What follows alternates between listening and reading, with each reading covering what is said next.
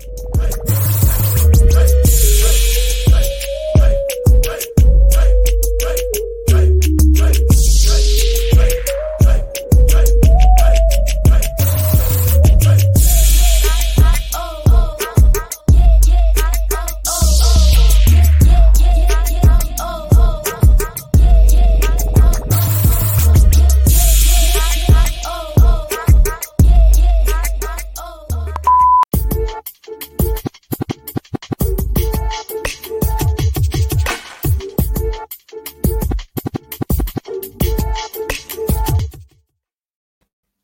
til, mine damer og herrer. Velkommen til Frafald podcast. Uh, mit navn er Mustafa Saik. Det håber jeg, at I efterhånden ved. Uh, det bliver en lidt speciel udgave i dag. Det var slet ikke uh, planen, at vi skulle starte allerede nu. Vi har holdt en lille pause. Planen var egentlig, at vi skulle starte her den 28. september, men der skete noget, noget uventet og noget, der var egentlig bare ret spændende at tage op. Uh, det, der skete, det var, at der var en, uh, en byrådskandidat ved navn Hussein Ali, som lagde en video op uh, omkring... Uh, i søndags, tror jeg, han lagde den op. Øhm, de fleste af jer har nok set den, og hvis ikke, så kan I gå ind på hans side og se den, eller I kan blive hængende, så går vi den lige igennem senere. Øhm, jeg har inviteret Hussein Ali ind til en snak omkring det, der skete i videoen, hvor han bliver overfuset af en gruppe unge drenge. Og han sagde ja, det var om mandag, vi skrev sammen, og det var jeg jo utrolig glad for, at han, øh, han sagde ja til. Fordi øh, vi har jo, øh, som nogle af jer ved, haft lidt svært med at få øh, moderate muslimer ind, og troende muslimer og imamer ind øh, til en snak det har været sådan lidt op ad bakke, så da han sagde ja, tænkte jeg fedt, så kan vi få en, en god snak omkring øh, både det, der skete i, ske, skete i videoen, men også sådan generelt øh, hans holdning til islam, og hvordan det påvirker samfundet osv. Så, så det var jeg rigtig glad for. Men så, øh, så skete der det, at han i dag, altså i dag, sendte mig en besked, og med, med den her, så kan I lige læse med her. Kære Mustafa, Øh, ved nærmere eftertanke har jeg besluttet ikke at deltage i podcasten. Øh, dette skyldes især dit Facebook-opslag øh, om min deltagelse, hvor øh, du lægger vægt på, at jeg naturligvis øh, kommer ind på islams indflydelse på adfærden, øh, hvilket er misvisende. Jeg mener netop ikke, at islam har, har indflydelse eller er øh, relevant i, øh, i denne sammenhæng, øh, og takker derfor nej til deltagelsen. Øhm, ja, jeg skriver så, at det synes jeg, det var ærgerligt. Jeg synes egentlig, det var meget relevant for mig som eks-muslim at stille det spørgsmål, og han kunne jo altså, svare, ligesom han har svaret i beskeden, øhm, og undre mig lidt over, at altså, vi kan jo bare være uenige. Det er der jo noget i vejen med. Så det var sådan lidt at trække den i land. Jeg, jeg skal så ærligt indrømme, jeg havde det lidt på fornemmelsen øh, inden, det, det skal jeg gerne indrømme, øh, men jeg tænkte, ah, nu, nu skal jeg lade være med at være så skeptisk og, og mistroisk over for alle. Så, men det, men det, det, ja, det blev bekræftet i, som det plejer, men sådan er det tit. Øh, vi, vi, vi må ikke, øh, der er ikke rigtig nogen, der vil lege med os. Jeg har det sådan lidt, øh, kender I Ace Ventura-filmen? Jeg har det lidt sådan...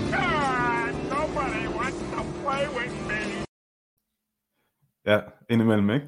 Men øh, det betyder jo ikke, at jeg ikke kan sidde her øh, sammen med jer i aften og komme med min beskedende analyse af både videoen, som Hussein Ali handler lagde op, hvor jeg vil gå det igennem, men også en lille analyse af personen, Hussein Ali, om det så er byrådskandidaten øh, Hussein Ali, eller om det er øhm, den moderate muslim Hussein Ali, eller om det er den offentlige person Hussein Ali, eller hvad det er, det vil jeg gerne øhm, gennemgå sammen med jer, fordi en af de udfordringer, som jeg personligt har som, øh, som åben eks-muslim og som, øh, som stemme i debatten, en af de udfordringer, der er, det er jo den her mistillid, der er i samfundet. Og jeg, jeg taler egentlig tit om den, øh, og har også talt i en del interviews omkring det, det her med, der er en mistillid mellem os altså mennesker, ikke?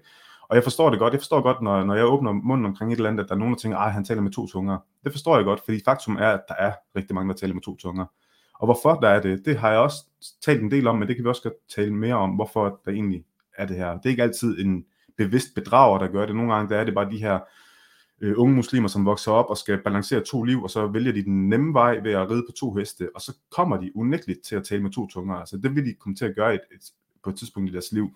Øh, det er også endnu en grund til, at man, øh, man skal klippe navlestrengen og så tage, tage en beslutning. Øh, men, men det kan vi tage senere, men det er i hvert fald en af grunden til, at jeg gerne vil analysere, fordi jeg kan se, at der er rigtig mange, der, der køber ind på noget af det, han, øh, han kommer ud med, og det er jo ikke fordi, at det han siger egentlig er, er altså, forkasteligt eller forkert, det jeg kan egentlig godt tilslutte mig meget af det, han siger, men jeg ser bare noget, der kommer ind ad bagdøren, som jeg, det virker som om, at der ikke er ret mange, der er opmærksom på det, så det vil jeg lige gå igennem med jer i aften. Øhm, inden vi starter, skal jeg lige prøve at se her. Hvis I har nogle spørgsmål, skal I selvfølgelig bare spørge. Jeg skal nok prøve at se, om jeg kan følge med. Jeg sidder jo alene i dag, så jeg skal lige holde øje med alting i dag. Men øh, øh I skriver bare, hvis jeg har kommentar. Øh, vi har Jørgen sparket øh, med i dag. Så fik jeg lige sparket like-knappen også. Ja, så husk at like og, og så videre, og del den også. Uh, kan vi se her. og det er både på YouTube og Facebook, kan jeg se. Yes, og Thomas, han, han er, du har glædet dig, Thomas. Jamen, jeg har også glædet mig. Uh, i, I kan glæde jer til det første afsnit, det officielle første afsnit. I aften der er det sådan lidt en, en speciel ting. Hvad skal vi kalde det? Skal vi kalde det Muses analyse? Jeg har ikke rigtig lavet noget grafik til det, eller en jingle, men det kan vi jo, det kan vi jo lave. Det kan være sådan et eller andet ding, ding, ding, ding, Muses analyse. Et eller andet. Vi finder på noget, og så laver vi et, et program kun for det. Men jo, folk er med her. Uh, Steffen, Steffen siger, endelig er du tilbage. Fedt mand, fedt. Du kommer alligevel. Ja, selvfølgelig Steffen, det, det skal ikke afholde mig, at, uh, at han trækker i land. Jeg synes sgu, det er ærgerligt eller sted, ikke? men, men det, vi kommer til det, vi kommer sgu til det. Hvorfor er det egentlig hos han? Ali, han trækker sådan i land. Det kommer vi også til. Men lad os, øh, lad os kaste os ud i det og starte med, øh, med den her berømte video, som er gået utrolig viralt. Ikke? Øhm, den her video, vi ser her. Jeg har sløret den. Øhm, hvis man vil se den usløret, så kan man gå ind på hans side. Jeg ved ikke rigtig, hvorfor jeg slørede den egentlig. Jeg tænkte bare, det, det, det jeg vil ikke lige øh, ah, hoppe med på den, men nu, nu ser vi. finder jeg den lige til jer her. Godt. Lad os se. Hvorfor? Hvad, hvad, hvad skal I snakke sådan der til mig? Hvad fuck gør du for at skrue dig på din lille snarere, mand? Hvorfor? Hvorfor skal du snakke sådan der til mig? Hvorfor du skal de sko på dit arbejde? Hvorfor? Din mor, din lille luder. Hvor gammel er det, du er? Hvor fuck har du dig, din svand? Sig mig. I må godt skrive, hvis I kan høre noget. Er den for lav, eller for jeg synes, den virker lidt lav. Øhm,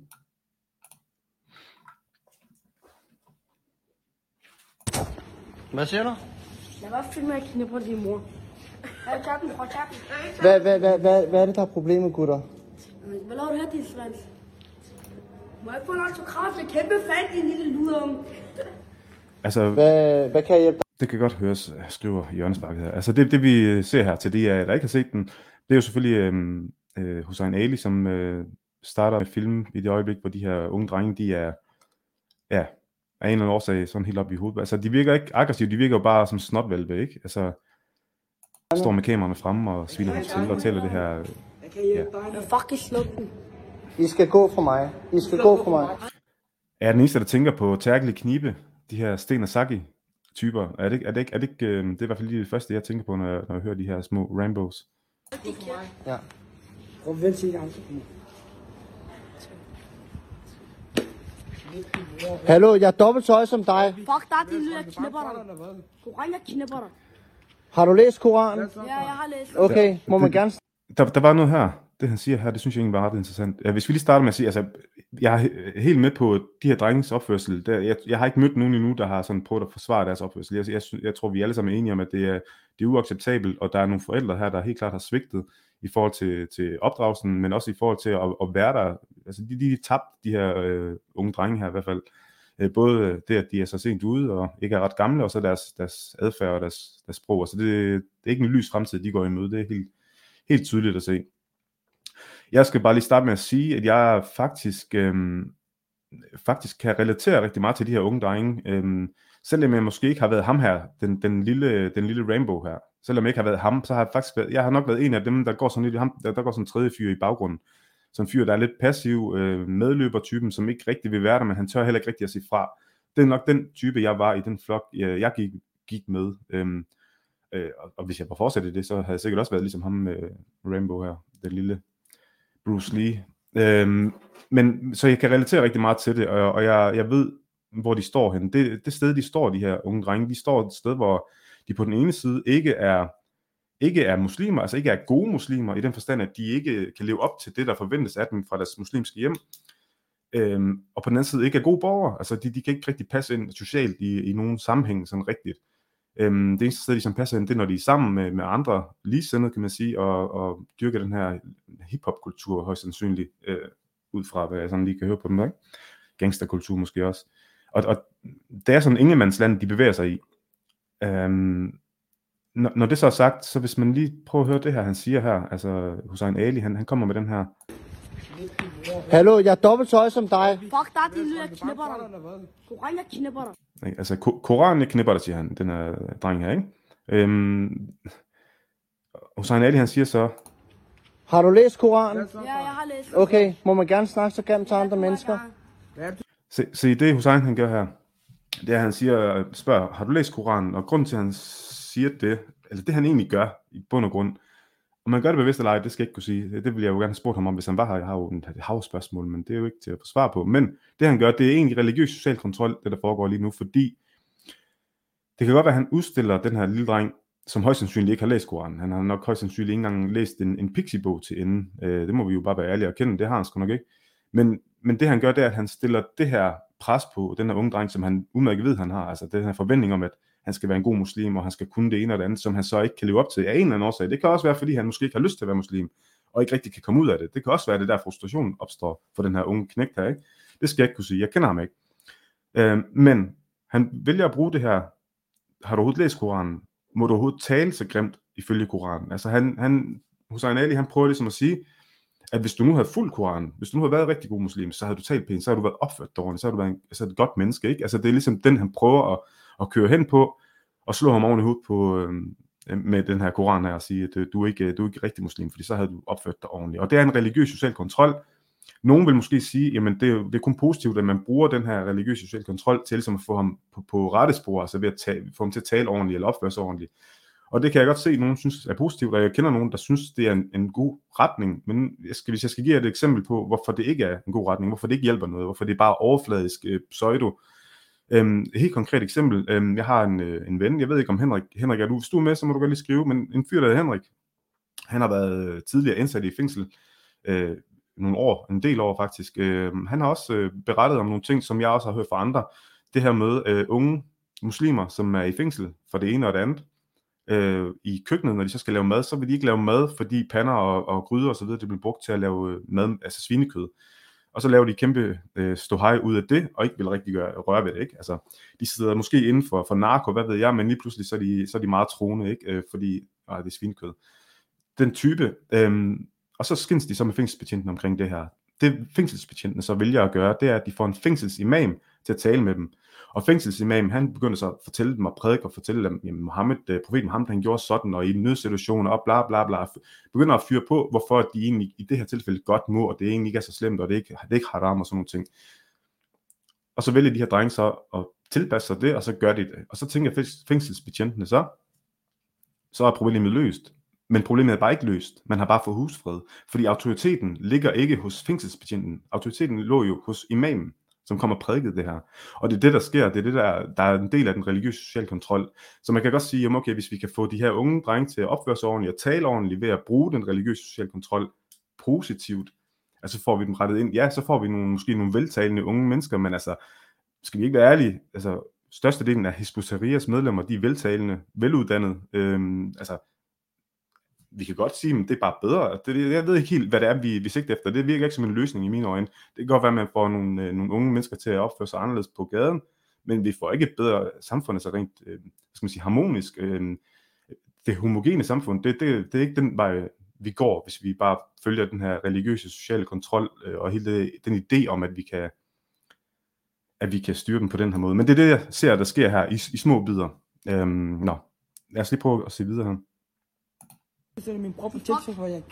Hans bror, der er Zakaria. Hvad så? Slet videoen, når jeg knipper dig. Koranskade er muligt. Det var bror, ikke? Øh, det er det, du har filmer. Åh, oh, fuck, slet. Slet til din svans. Der, der er også nogen, der, der spekulerer i, her kan jeg se, der er også nogen, der spekulerer i, om videoen er ægte og så videre. Jeg, jeg, altså, det, det er ikke den vogn, vi skal hoppe på i aften. Det, det, det er ikke noget, jeg har tænkt mig at hoppe på, fordi altså, øhm, det, nej, det er ikke den øh, vogn, vi skal hoppe på, fordi jeg tror, at der er den her adfærd, og vi ved jo, at den her adfærd, den findes derude, det ved de fleste af os. Øh, og jeg tror også, Hussein Ali, han bliver udsat for noget af det her. Øhm, problemet er bare, at han forholder sig ikke til, hvorfor han bliver udsat for det. Jeg ved godt, at han gør rigtig meget ud af det lige nu, og siger, at det er politiske holdninger osv. Den, den, den køber jeg så ikke helt. Øh, og jeg tror egentlig heller ikke selv, han køber den. Jeg tror, han, han bruger det måske bare i en eller anden sammenhæng. Men at begynde at spekulere i, om videoen er ægte eller ej, det, det, det, det er ikke en vogn, jeg vil hoppe, øh, hoppe med på. Øh, fordi det, det er der også i øvrigt rigtig mange af de her øh, muslimske kommentarer, man kan læse på Facebook og, og så videre. Der er alle de her solgt sjælen, og du gør det kun for opmærksomhed og så videre. Den, som, som jeg også får, altså jeg får jo også hele tiden, ikke? Jeg vil ikke være en del af den, øh, den vogn, så det vil jeg ikke forholde mig til. Jeg vil bare prøve at være så, så savlig som muligt og prøve at fortælle, hvad jeg ser i forhold til den religiøse sociale kontrol og den der udenomsnak, der er omkring islam, som han tydeligvis ikke vil, vil forholde sig til. Øhm, de her de her unge drenge og deres sprog, og den måde, de, de er på, altså, man skal også huske på, at der er rigtig meget jalousi og misundelse i de her miljøer her. Altså hver gang, at en, jeg tror også, jeg har gjort lidt grin med det førhen, hver gang der er en hvid, der liker mit shit, så er der en brun, der disliker mit shit.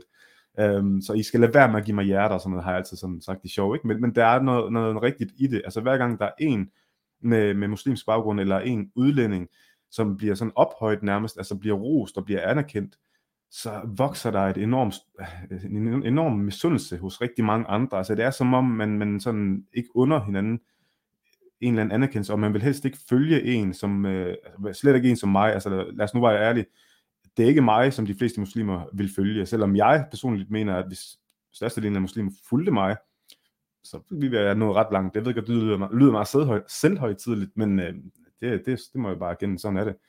Øhm, og det er jo fordi, der også er en, en del misundelse i alt det her, og, og man under ikke hinanden noget. Og, og det er også det, Hussein Ali han bliver udsat for her. Øhm, de, de under ham ikke, at han bliver, hvad kan man sige, at han, han får den øh, anerkendelse rundt omkring og ros og så videre. Ikke? Øhm, det, det, der er rigtig mange, der ikke under ham og bliver misundelige. Så det er sådan en, i virkeligheden er det jo bare små haters et eller andet sted, ikke? Altså, kunne man jo godt skære det ned til, men, men deres adfærd, det er jo den, der er problemet, og hvordan kommer vi den til? Der mener jeg jo helt klart, at islam spiller en rolle, fordi vi allerede, altså jeg har allerede nævnt det her med den religiøse sociale kontrol, og den her med, at de unge, de vokser op og ikke er gode muslimer derhjemme, og de er heller ikke gode samfundsborgere, de er sådan øh, ingenting, altså de er, de, øh, og de ved godt, at de burde være gode muslimer. De, de, der er nogle andre drenge, som måske er, øh, går mere i måske, det er sådan nogle, de ser lidt op til og har lidt øh, dårlig samvittighed over, at de ikke er lige så gode som dem, og der forventes det hjemmefra. Det kan I være helt sikre på. Det kan godt være, at deres forældre ikke øh, er der for dem i andre sammenhænge, men når det kommer til Koranen, så, så skal de nok være der. Altså, der vil de gerne, øh, eller til, til islam, ikke? Altså, der vil de gerne følge med, og der, det går de mere op i. Det kan I være helt sikre på.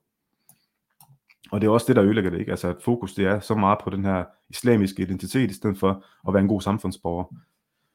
Eller være en god borger, et godt, øh, altså, være, være sig selv i, i sidste ende, ikke? Altså, det er jo det, det også handler om, at være sig selv. Fordi hvis de her unge drenge, de ikke havde det pres hjemmefra, og de fik lov til bare at være sig selv og udfolde sig derhjemme også, så havde de ikke haft alt det her, den her undertrykte vrede, og det her, altså det, det havde de ikke, det er jeg 100% sikker på, at de ville være meget mere afklaret, og ville være meget mere i balance, og de ville, de ville kunne fungere bedre ud i samfundet. Men øh, det er det, islam gør, ikke? det undertrykker. Øh, skal vi se, hvad siger, hvad siger Lars Christensen her? Ergo, de er hævet over lovgivningen, som Glistrup sagde.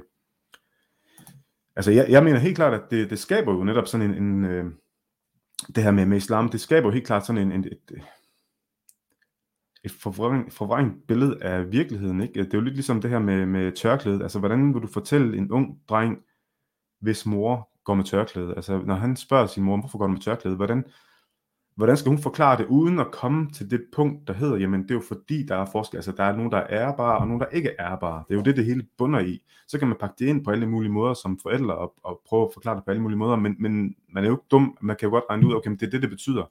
Det er også derfor, vi ser så mange af de her unge drenge, som har absolut ingen respekt for, for kvinder uden tørklæde, øh, eller danske kvinder i øvrigt.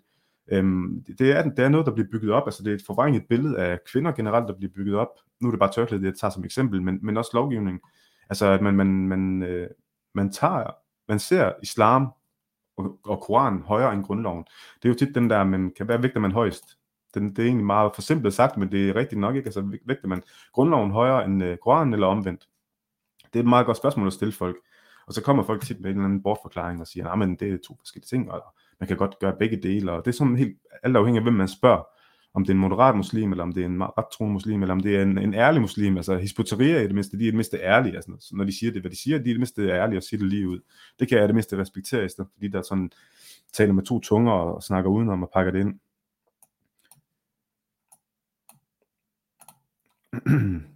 Og så er vi her, der skriver øh, på det. Øh, knægten kender nok til Hussein fra F- Facebook, siden han kalder ham så grimme navne. Det kan man se derinde også i kommentarspekulation, øh, at han er homoseksuel, så man ikke han er blevet skræmt til at hoppe fra. Øh, jo, altså i forhold til at deltage, øh, jeg tror helt klart, at der har været nogen øh, fra hans omgivelser, øh, som har øh, talt ham fra at deltage. Øh, fordi man kan jo godt undre sig over, at hvorfor han ikke reagerede allerede i mandags, efter vi havde aftalt, at han skulle deltage, hvorfor han ikke reagerede der. Fordi jeg, jeg postede jo på Facebook med det samme, at han deltog med det samme, efter vi aftalte det. Ikke?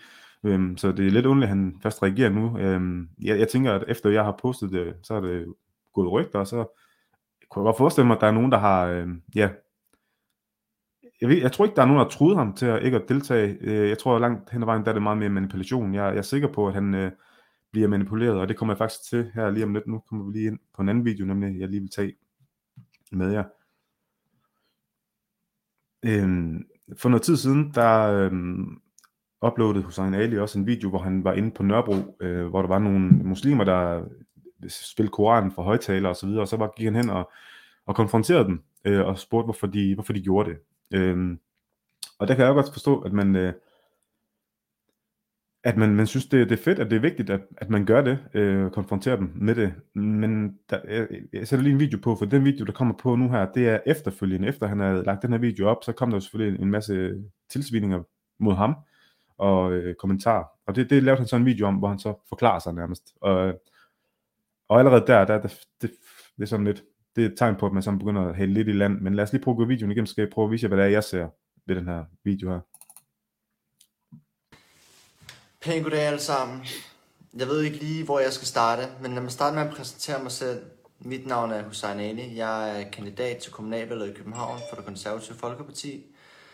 Øhm, Udover det, så ved jeg ikke rigtig, hvor jeg skal starte videoen, udover at øhm, i kølvandet på den live, jeg lavede i går, hvor jeg gik en helt almindelig tur ind på Nørrebro, og hvor jeg bemærkede, at der var to mennesker, der havde et kæmpe stort behov for at spille højt koran midt på Nørrebrogade en helt almindelig fredag.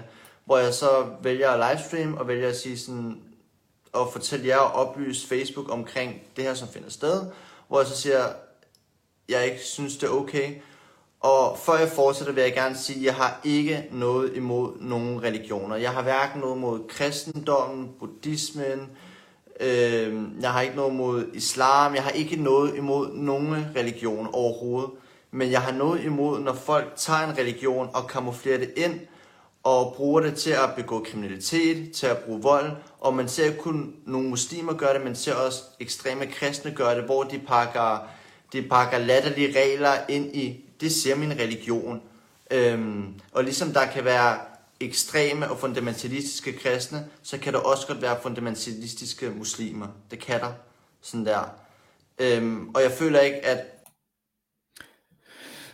Ja, vi vil bare lige holde en pause her. Øhm, en ting er, at han øh, nu prøver at tale om fundamentalister. Det er jo det, han ligesom prøver at henlede den på, øhm, og ved at bruge for eksempel fundamentalistiske kristne og så videre.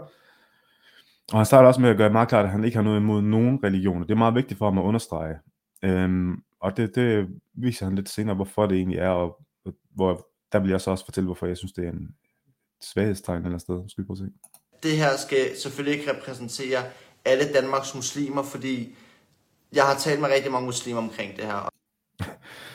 Og det tror jeg på, Hussein. Jeg tror, du har talt med rigtig mange muslimer, fordi øhm, det er jeg slet ikke tvivl om. Altså, jeg får også et hav af opkald af muslimer. Hvis vi bare ser bort fra at de der vrede muslimer, dem som truer os, dem, dem tager jeg ikke seriøst.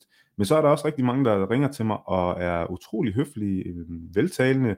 Øh, vi får en, en god snak egentlig. Altså, jeg lader dem tale, øh, de lader mig tale. Og det eneste, det egentlig går ud på, det er, at de prøver at, at male et rigtig, rigtig flot billede af islam, og hvordan, øh, hvordan der er et hav af, af gode muslimer, der kæmper og tager afstand, og altså, hvor jeg tænker, hvor er de egentlig henne så?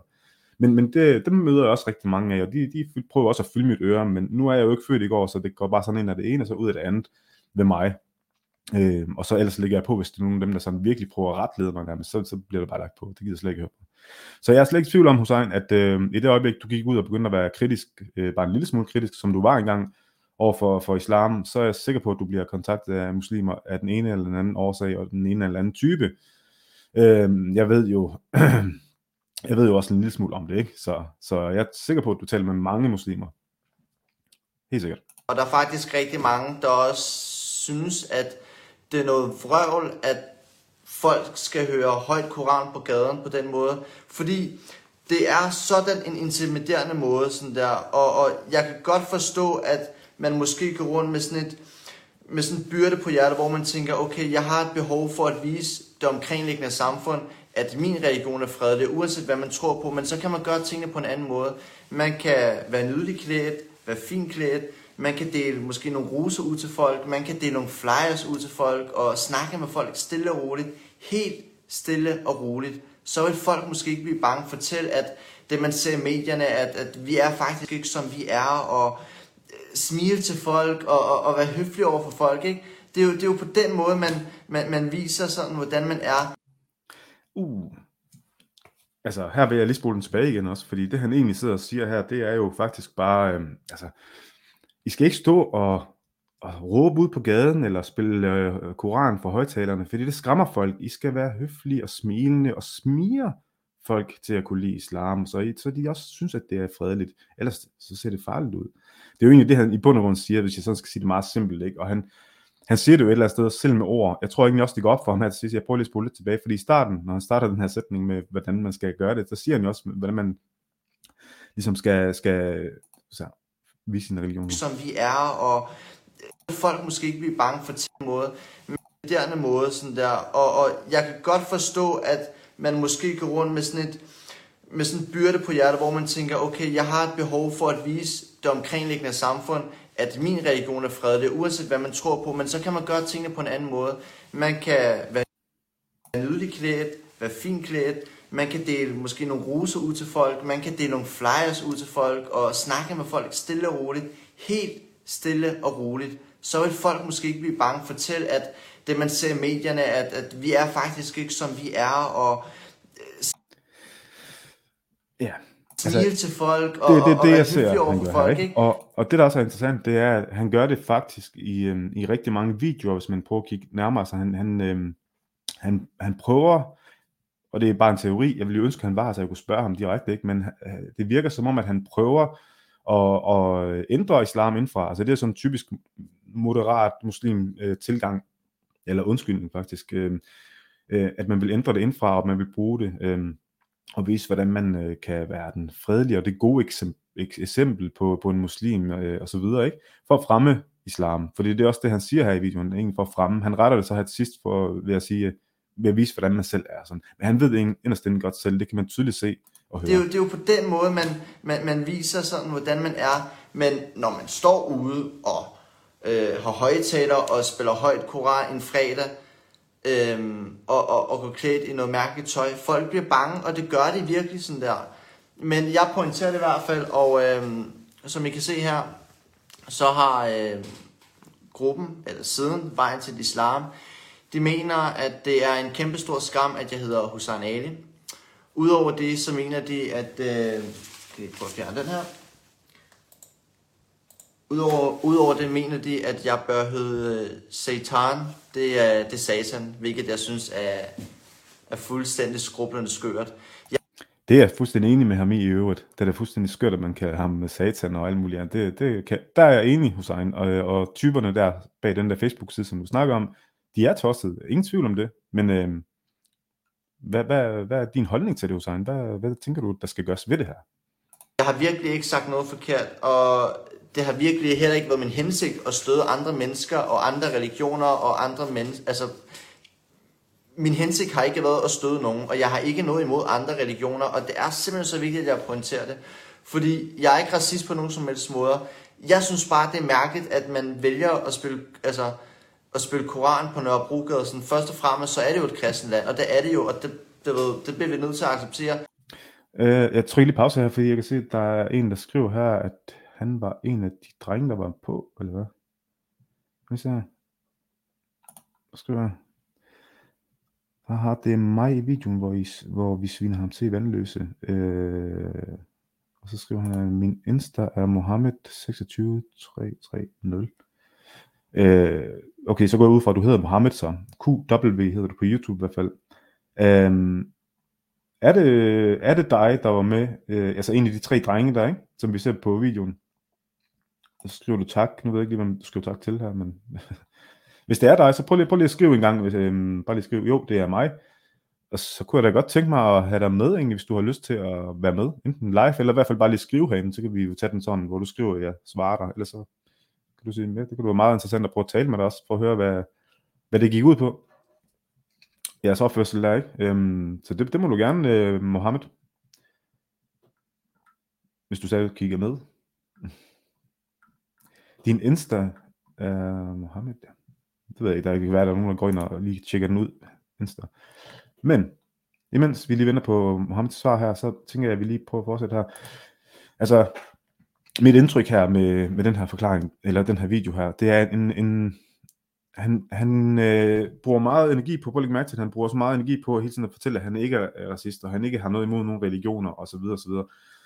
Han bruger meget energi og tid på det, og hvorfor? Fordi der er en eller anden Facebook-gruppe med tossede muslimer, der skriver, at han er, han er shaitan, og han er satan.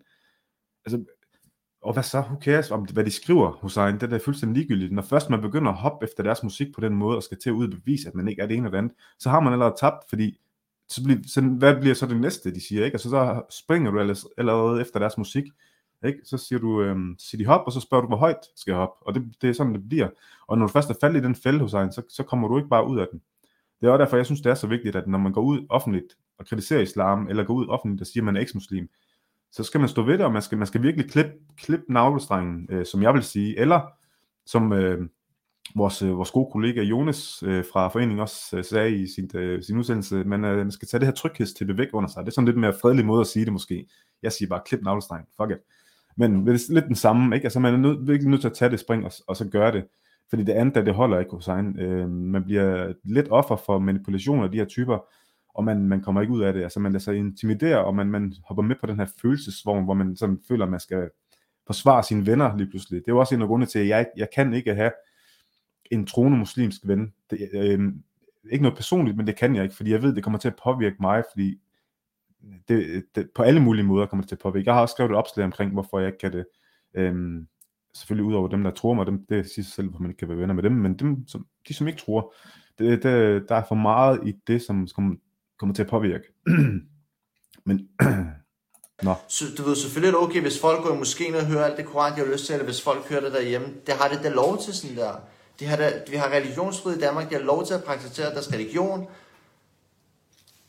så længe man ikke er intimiderende over for andre mennesker. Og det føler jeg virkelig sådan, det er sådan der, det er jo ligesom sådan, når Jehovas vidner, og det er også, altså det er også lige så skide irriterende, når de banker på dør til dør, klokken 6 om morgenen. Det er jo bare sådan, det er der ikke nogen, der synes er sjovt sådan der. Det synes vi også er pisse nederen. Og det er det virkelig.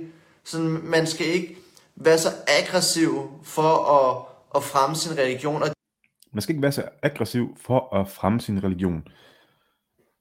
Øh, altså jeg vil jo egentlig bare ønske, at man bare beholdt sin religion derhjemme, i stedet for at fremme sin religion. Det er sgu en underlig retorik uh, Hussein, men jeg ved sgu ikke helt, hvad, hvad det er, du gerne vil fremme. Jo, det kan jeg godt fornemme. Uh, hvis I lægger mærke til det, ligesom i den første video, hvor han siger til den her knægt, øh, har du overhovedet læst Koranen? Øh, fordi så vil du vide, at du ikke må tale så grimt. Altså det er en meget det er en positiv ting, han prøver at tage fra Koranen. Og prøver, altså islam er jo sådan et regelsæt, hvor man, altså alting skal styres. Hvilken hånd må du spise med, og hvordan skal du tale, og hvordan skal du ikke tale, hvordan skal du gå klædt. Der er et, regel, det er et regelsæt, det er en lovreligion. Så helt klart, der er regler for, hvordan du må tale, og så videre. Du må ikke bagtale, og så videre.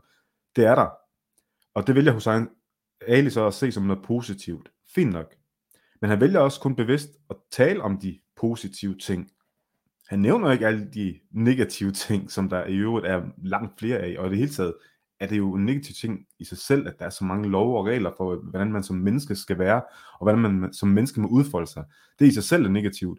Men alt det her, det vil jeg jo ønske, at jeg kunne tale med Hussein Ali om, og jeg, jeg ved ikke, om I kan mærke det en lille smule på mig, men jeg, jeg er lidt pist over, at han, øh, sådan bare hoppet fra til sidst. Det kan jeg godt mærke, at det, det pisser mig lidt af. Jeg havde sgu egentlig håbet, at han ville være med. Men jeg, jeg, synes, jeg synes, det er... Øhm, jeg ved ikke, om han er en professionel manipulator, eller om han er en, en ung, dum knægt, som bliver udnyttet af nogle muslimer i baggrunden. Jeg, jeg kan virkelig ikke helt lure det, men jeg tror faktisk, det er nummer to. Jeg tror ikke, at det er ham selv, der, der vil det her. Jeg tror, han virkelig bliver udnyttet og manipuleret og få fyldt ørerne fyldt med altså, romantisering om islam for de her øh, typer i baggrunden. Det er jeg helt, helt sikker på. Øhm, eller det er jeg ikke helt sikker på, men det, det er i hvert fald det, jeg øh, sådan umiddelbart øh, vurderer. Øhm, Det er uanset, hvad, hvad i verden man tror på. Sådan, det er meget rationelt, mand. Men alligevel sådan der, så har jeg bare set gentagende kommentarspor. Øh, gentagende, en gentagende tendens i kommentarsporet. Også der, der er sådan en gruppe på Facebook, der hedder øh, Nørrebro. Og der blev mit opslag faktisk slettet af admin. Jeg ved ikke hvorfor, fordi der kom en yderligere religionsdiskussioner, fordi at, at folk gik så hårdt til angreb på mig. Folk kender mig racist. Folk siger, du hader islam, du hader ditten, du hader datten, du hader din egne. Jeg hader ikke nogen mennesker. Men kan vi for helvede ikke bare opføre os ordentligt sådan der? Hvor svært kan det være? Mm. Øhm, ja, enig. hvor svært kan det være? Altså det, det er meget enkelt, det er meget enkelt, og det er meget sådan, så er der en, der skriver, vi er ikke et kristent land, vi er ikke et religiøst land, jeg kender ingen mennesker i min kreds, øh, der er direkte kristne. Jamen, vi skal anerkende en ting, altså, den danske lovgivning er jo for lang tid tilbage, den er jo baseret på kristendommen. Mange af de værdier, vi har, de er baseret på kristendom, og det er altså ikke fordi, at kristendom distancerer sig meget langt væk fra jødedommen og islam. Der er altså rigtig mange gode værdier, fordi at fælles har de her religioner en overordnet betegnelse, der hedder en abrahamitisk religion. Vi alle sammen tror på Adam og Eva, og det er, sådan, det er meget sådan basically. Men jeg er da ligeglad om folk er ateister, eller hvad fanden i alverden folk tror på. Om folk tror på julemanden, eller om folk tror på en dør kan flyve. Jeg er ligeglad. Det er ikke det, vi skal diskutere. Så længe folk kan opføre sig ordentligt. Virkelig. Så længe folk ikke generer andre mennesker, og, og, og, og, og, og propper, propper den der religionsfrøjte op i numsen på andre mennesker, så, så, så er det okay. Så der folk tro, hvad de vil tro på. Folk kan tro på indjørninger, og folk kan tro på julemand, og det er så fantastisk, fordi vi har, vi har religionsfrihed her i Danmark. Men man skal da ikke være så intimiderende over for andre mennesker. Øhm, og jeg laver faktisk den her video, øhm, fordi at jeg prøver at målrette den til folk fra det muslimske miljø. Jeg har ikke noget imod nogen som helst mennesker. Jeg har ikke noget imod nogen som helst religioner. Jeg synes, det er okay, at man tror på det, man tror på, så længe man ikke skader andre mennesker. Så længe det ikke går ud over andre mennesker. Ja. Så længe det ikke går ud over andre mennesker. Det gør det jo så lidt. Ikke? Det gør islam jo så lidt, må man sige. Ikke? Øhm, det er jo også sådan noget, jeg kan have spurgt ham. Jamen, hvad, hvad, hvad tænker du så om frafald? Altså, det er jo også sådan et oplagt spørgsmål at stille en, der, der er muslim, uanset hvor troende man er. Altså, det, det kunne du meget rart at høre ham sige. Men altså, det, er også, det er også svært for ham. Han står i en situation, hvor, hvor han ikke kan tale åbent om det, og det, det er der jo desværre rigtig mange, der gør. Men det, jeg ikke kan respektere lige ved Hussein Ali her, det er jo, at han jo er en offentlig person. Jeg har, har 100 gange mere respekt for en, en person, som ikke er i offentligheden, som ikke er debattør, som ikke er politiker, og som, som ikke kan komme ud med det her, fordi man er fanget i det. Det kan jeg have sympati for, det kan jeg have empati for, men det der, når man er ude på den måde, som han er, og så ikke vil tage den rigtige snak, og så være byrådskandidat, jeg, jeg, jeg, kan, jeg har simpelthen ingen respekt for det overhovedet. Altså, det er, og der er jo, der er jo, han er jo ikke den eneste. Øhm, hvis man har fulgt mig lidt, så har jeg også stukket lidt til nogle andre øh, af øh, de her såkaldte moderate muslimer. Jeg, jeg synes simpelthen, nej, det, det har jeg ingen respekt for.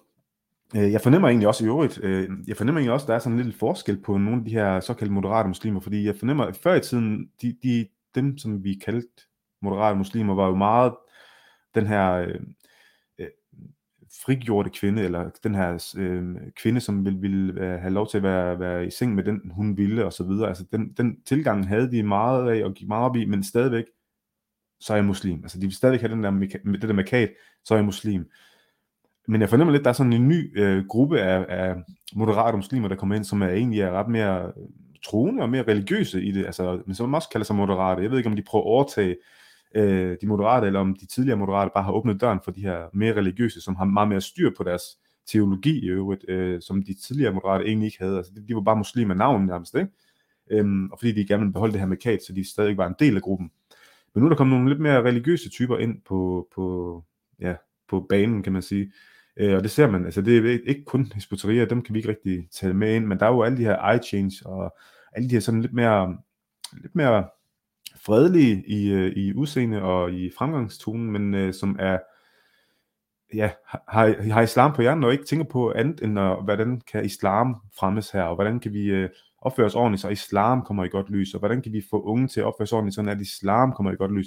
Altså det er aldrig, det er aldrig samfundet, der ligesom er det, det, det overordnede. Nu vil jeg ikke bruge ordet samfundssind, men, men hvis I ved, hvad jeg mener, ikke? Altså, det er jo ikke det, er jo ikke det fælles, det store fællesskab, der bliver kæmpet for. Det er islam, der skal sørges, altså det er islam, der hele tiden skal pyntes, øh, og det, det er sådan en ny, ny gruppe af mennesker, jeg har lagt med, mærke til at komme ind, og jeg tror, det er sådan nogle mennesker, der, der, der står bag øh, Hussein Ali og fylder ham med, med det ene det, det ene lort efter det andet, ikke? Og jeg tror, han køber ind på den. I øvrigt, det er jo også, øh, nu har jeg jo fuldt Hussein Ali en, en del tid, sådan lidt on-off, øh, han er jo poppet lidt op, han har jo været lidt, både i starten var han jo lidt mere islamkritisk, men han var også sådan lidt øh, reality-stjerneagtig, sådan på Facebook og sådan, ikke? Øh, men jeg lå mærke til, at der var nogle, øh, nogle her fra Kolding af, sådan to afghanske brødre. Hvis man er fra Kolding, så ved man udmærket godt, hvem jeg taler om. Jeg har ikke tænkt mig at nævne nogle navne, fordi det vil ikke være fair, når de ikke er her. Men sådan to afghanske brødre her fra Kolding af, det jeg lagde mærke til, hvordan de øh, var meget sammen med Hussein Ali, jeg skrev meget med ham, og jeg tror også, at han lagde faktisk også et øh, opslag op, det er nogle år siden, skal det lige siges. Øhm, han lagde også et opslag op, som den ene bror havde skrevet for ham. Jeg havde kontakt med den ene bror dengang, så jeg ved det, jeg har også screenshot af det.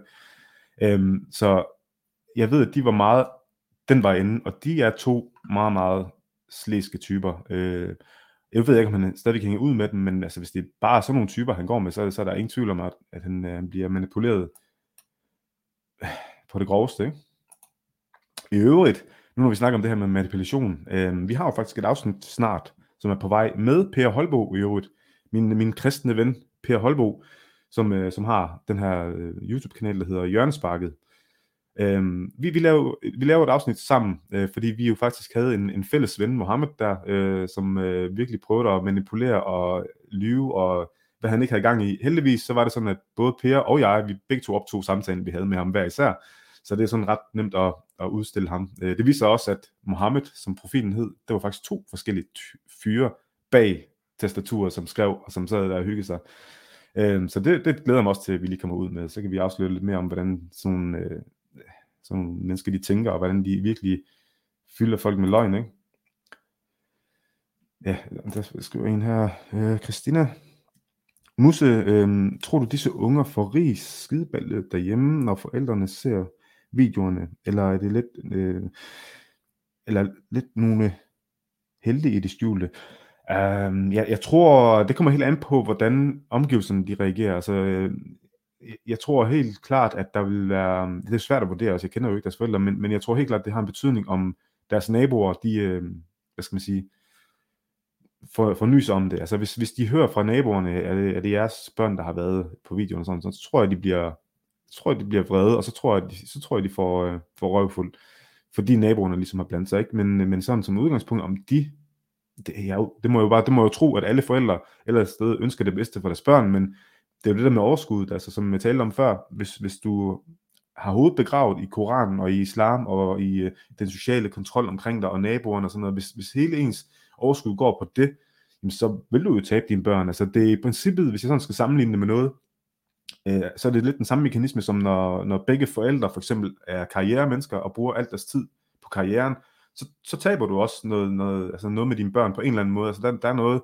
men man hele tiden skal holde ved lige med sine børn, og det er den omsorg, den der tid med sine børn, som rigtig mange øh, muslimske forældre misser, selvom de går hjemme og ikke laver noget. Altså, der kan du jo også være vildt stresset, selvom du går hjemme, ikke? Men, men fordi man er begravet i, øh, i islams fuldstændig forskruede øh, syn på, på verden, så, så taber de her børn her. Så jeg, jeg, det er svært for mig helt præcis at sige, det er klart, jeg kender dem jo ikke, men, men sådan umiddelbart vil jeg sige, de, øh, de kan få ballade, hvis naboen ved, øh, for ligesom det. Øhm, fordi som udgangspunkt, så tror jeg også, der er rigtig mange af de her muslimske forældre, der egentlig ikke tør at sige deres, øh, deres børn rigtigt imod, når det kommer til stykket. Og så er der nogen, de får bare tæsk, fordi de, de, de tænker, at det er tæsk, der virker, men det virker jo ikke. Øhm, så det er også, det, ja. Hjørnesparket, det bliver en fest. Ja, i forhold til vores afsnit, som kommer. Med, hvad skal vi kalde det, Per? Skal vi kalde det øh, manipulerende Mohammed og hans trofaste følger? Det kunne være meget godt. Det er sådan en dobbelt betydning, ikke? Manipulerende Mohammed. Det kunne være. Det tror jeg. der, hvor blev ham her QWA uh, øh, Mohammed der? Og der er en her, Ayman. Uh, Ayman Øh, mit indtryk er, at du dømmer muslimer i flæng, uanset hvordan de opfører sig. Hvis de opfører sig dårligt, så er det deres sande ansigt. Hvis de opfører sig pænt og snakker savligt, så snakker de med to tunger, og har kun til formål at smire og dermed dække over en ond hensigt. Øh, det er karaktermord på muslimer generelt, og udtrykker øh, vel ikke... Jeg tror jeg lige, jeg fjerner den her, jeg kan ikke se noget som helst der. Det. Og udtrykker vel ikke et ønske om oprigtig og åben dialog. Øhm, Ayman, øh, når, når du skriver, at uh, dit indtryk er, at jeg dømmer muslimer i flæng, hvad, hvad, der, der er du nødt til at uddybe, fordi det er klart, altså muslimer har jo det til fælles, at de jo er muslimer, altså at de er til, islam er ligesom den fællesnævner, der er. Det betyder ikke, at alle muslimer opfører sig ens. Det, det, det kan vi jo ligesom se, når vi kigger ud i verden. Altså muslimer opfører sig forskelligt fra, øh, ja, der er jo mange ting, der påvirker ens øh, adfærd, øh, og en af de ting, der påvirker ens adfærd, det er da helt klart også religion, øh, og især islam, som jo netop er så altomfattende, så er der jo nogen, der vælger at sige, at islam skal ikke fylde særlig meget i mit liv. Øhm, og, og de muslimer, altså for, muslimerne opfører sig jo forskelligt, og muslimer er forskellige, men det fællesnævn er islam, ikke? Så du må gerne lige uddybe, hvad du mener, når du øh, får indtryk af, at jeg dømmer muslimer i flæng, uanset hvad de, hvordan de opfører sig. Fordi når de opfører sig dårligt, hvad vil det sige opfører sig dårligt? Altså så taler vi om de her unge drenge her på, på, øh, på videoen, vi så, altså er det den slags dårlig opførsel, du mener? Fordi jeg mener jo også, at det er en dårlig opførsel øh, at lyve og tale med to tunger, og det synes jeg faktisk er langt værre, for at være helt ærlig. Fordi man kan sige, de her drenges adfærd, eller bandemiljøs adfærd, hvis der, er, hvis der er muslimer i bander, som skyder osv., det er jo altså noget, vi kan lovgive os imod, selvom det kræver, at politikerne rent faktisk tager for fingrene ud og gør det, men det er så en anden snak, vi kan tage på et andet tidspunkt. Men, øh, men det er jo noget, vi kan lovgive os imod. Så, så jeg synes egentlig, det er en langt værre og dårligere opførsel, når det er en person, der taler med to tunger og manipulerer. Det synes jeg faktisk er langt værre, for at være helt ærlig. Øhm, og jeg synes, der er en tendens til, at man fokuserer for meget på det, det øh, kriminaliteten eksempelvis. Ikke? Øhm, der er mange, der fokuserer på det, øh, og fuldstændig altså, fokuserer på det så enøjet, at de faktisk lukker de her mennesker ind, som undergraver demokratiet på en helt anden måde. Øhm, der har jo tit været snak om det her med statsborgerskabet eksempelvis, ikke? hvor man har haft så meget fokus på, at øh, folk øh, uden statsborgerskab og så videre, det er de, nærmest de værste og så videre, og så har man i lang tid, nu, nu ikke mere, men i lang tid, ja, set, øh, set bort fra, at der faktisk er rigtig mange mennesker her i Danmark, som har dansk statsborgerskab, og som aldrig nogensinde skulle have haft det. Og det er også gået op for folk. Så det er egentlig bare for at sige, det der med at opføre sig dårligt, der, der, der ser vi måske også forskel på det. Jeg mener nemlig ikke, at, øh, at uanset hvad en muslim gør, at så er der noget i vejen. Fordi så helt grundlæggende, der er vi mennesker forskellige, og jeg tror på, at der er rigtig mange muslimer derude, som egentlig ikke har lyst til at være muslimer, når de kommer til stykket, men der er rigtig meget, der holder dem tilbage, holder dem inde, og gør det lidt mere, altså, det, det kan også nogle gange være trygt at være i et destruktivt miljø, ikke? Det kan også, der er en tryghed ved det, og det tror jeg også er, er, er svært for rigtig mange at bryde ud af, men jeg mener, det er nødvendigt at gøre, hvis vi skal videre, øhm, og hvis man er glad for at være i det, så hey, så giv den gas, men, øh, men for, for de, som ikke er, de skal, de skal bare komme ud af det og øh, opføre sig pænt, snakke savligt, så snakker de med to tunger og har kun til formål at smige og dermed dækker. Jamen, det, altså det du siger, det er, at øh, det karakter på, karaktermord på muslimer generelt, så udtrykker vel ikke et ønske om oprigtig og åben dialog. Jo, det gør det. Problemet er bare, at der er rigtig mange muslimer, og, og når jeg siger rigtig mange muslimer, så mener jeg rigtig mange. Igen, det er ikke alle, men det er rigtig mange, øh, som øh, har den opfattelse af, at hvis der er noget kritik af dem eller deres religion, jamen så er det, så er det racisme, eller så er det karaktermord, eller så er det islamofobi, eller så er det det ene og det andet, og derfor vil de ikke ind i en dialog, ind i en debat, ind i en debat, fordi de ikke, de, de, de tåler ikke den der åben dialog og den der åbne debat, og det er der rigtig meget af i, øh, blandt muslimer, og det ligger også implicit i islam, altså det er det, man vokser op med, ikke? at islam er perfekt, profeten er perfekt, Koranen er perfekt, osv. osv. Og man må ikke kritisere det, man må ikke håne det. Og når man vokser op med det tankesæt, jamen, så vil det da kollidere med, med den ytringsfrihed, vi har i Danmark, og derfor vil man bare ikke kunne, øh, kunne have en, en, en åben debat, uden at det bliver sådan noget med, ligesom du skriver her, at jamen, så, øh, jeg vil ikke diskutere med dig, fordi det er jo, øh, du indbyder ikke lige frem til en åben og savlig dialog. Jo, det, det, det er jeg ret sikker på, at, at jeg gør, hvis man bare kigger på de dialoger, jeg har, eller bare spørger nogle af de muslimer, som ringer til mig indimellem, ikke? Øh, som taler høfligt og pænt, taler også høfligt og pænt til dem, og lader dem tale, og de, eller de lader mig tale osv., ikke? Så man kan sagtens have en, en god dialog og en åben dialog, men det kræver, at man er villig til at kunne tåle noget kritik, og kunne tale om de der svære emner, som åbenbart er svære, selvom jeg ikke forstår, at det skal være så svært at tale om islam eller profeten, eller hvad man nu, altså hvorfor skal det være så svært? Det er jo noget, man gør op med sig selv. Hvis man ikke er klar til at tale om det, er fint nok, så, så skal man jo bare ikke spille det her spil her. Så skal man ikke være med på, på banen jo. Jeg ved ikke, om det gav svar, Ayman, men, øh, men du må meget gerne uddybe øh, den her med dømmer muslimer i flæng.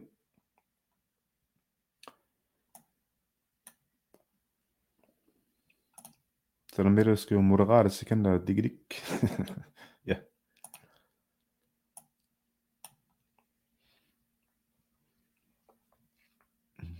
Han, han forsvandt måske ham der, den, øh, den unge fyr, eller hvad?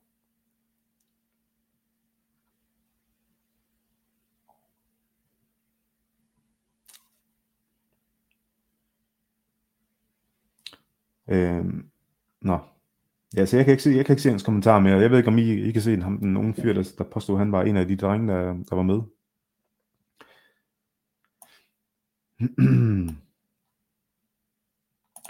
oh, der er Lars Christensen, der skriver her, der findes også nazister, som opfører sig forskelligt. Derfor er det stadigvæk ikke i orden, de tilhører nazisme. Ja, det, altså det, der, der, ja, der fandtes jo nazismer, nazister, som, som jo måske ellers ikke rigtig gik ind for det der med at gasse jøderne, men altså, det var stadigvæk ideologien bag, der, der gjorde det, ikke? Altså, det var det, der ligesom førte det hele frem. Og så kan det godt være, at, øh, at der var en, en masse, som egentlig bare gerne ville leve i fred og ro, men uh, det hjælper ikke noget, når ideologien er den samme, ikke?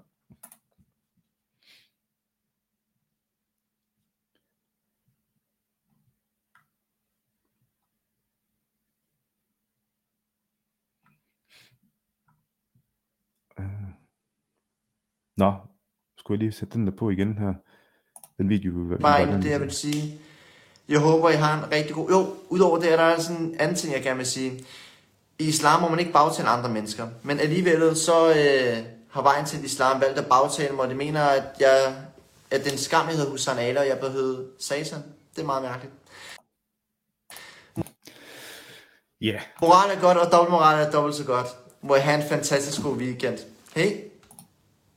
Så det, han, det han gør her, det er jo, det er jo, meget, det er jo meget, meget, meget, meget smooth, tænker han vil. Men altså, han får igen den der positive ting om islam ind. Øh, I islam, der må man faktisk ikke bagtale. Det skulle da ikke meget rart. Der er, altså, vi havde da alle sammen, når folk de bagtaler os. Sådan, sådan, det der pisse træls, ikke? Så, men islam, der må man faktisk ikke bagtale hinanden, så det er jo det. Er jo det. Så får han stillet op, som om at, øh, han ligesom prøver at udstille dem som, som hyggelig, de her vejen til islam, eller hvad den hed, den gruppe, han snakker om der, ikke? Øhm, jeg, jeg ved virkelig ikke, om han gør det bevidst, øh, men, men øh, han taler udelukkende kun om de positive ting ved islam. Og det, prøver jeg, det er fint.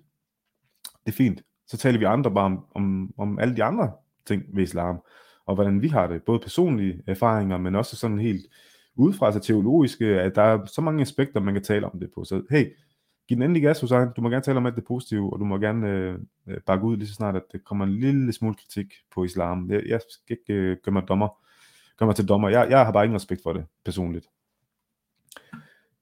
Øhm, jeg ved ikke om, er der nogen, der har nogle spørgsmål her på... Oh. Samir, har ikke været med fra starten af. Hvad skete der med ham, Hussein? Ja, ja Samir, øhm, det er jo sådan, at han, øh, han trækker jo lidt i land, øh, desværre. Han, øh, altså vi aftalte i mandags, at han ville være med, øh, men i dag, der skrev han så, øh, en besked til mig, hvor han, hvor han øh, fortæller, at han, øh, han ikke vil være med alligevel, og jeg kan lige prøve at smide den op her, så kan det være, at du kan læse den.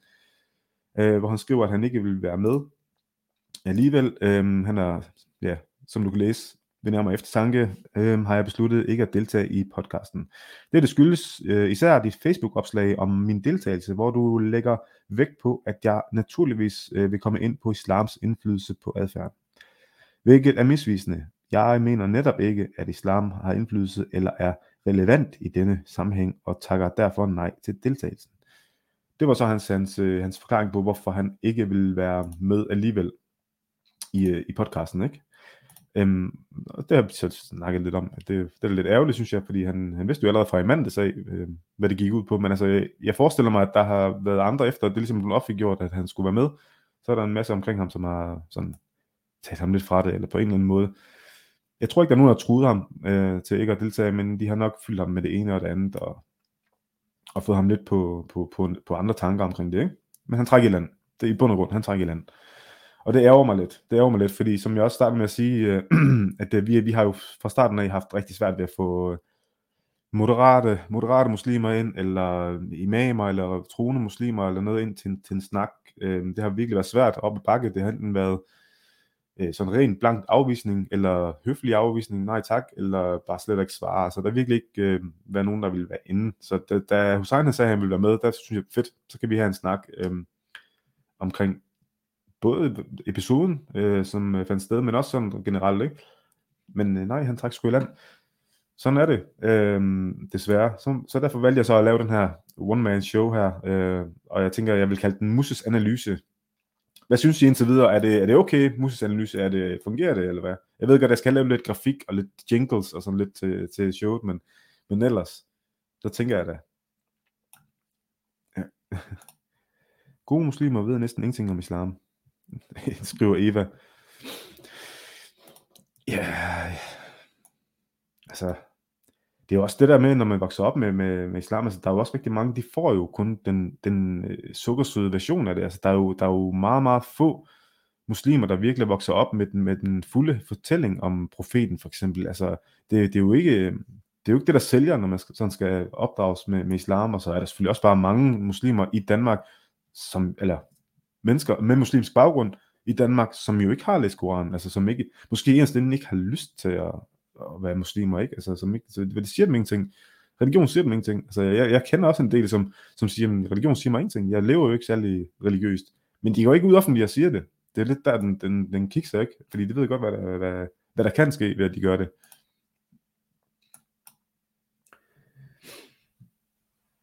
Musa Lyse, skriver sikkert sig Jensen her. Musalyse, er det det, vi kalder Musalyse?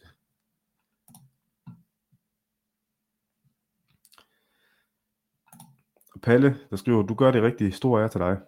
Tak, Palle. Tak, Palle. Øhm, det, det, det håber jeg også, jeg gør. Altså, det, øhm, ellers giver det sgu ingen mening.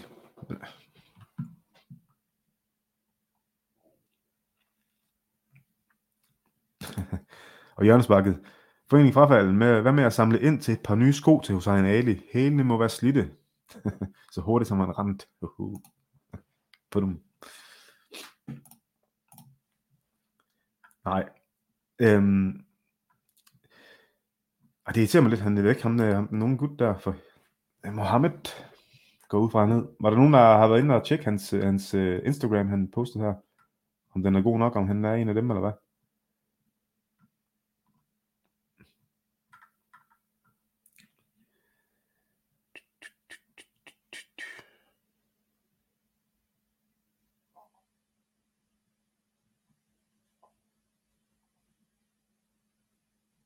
Ej, det skulle lave det.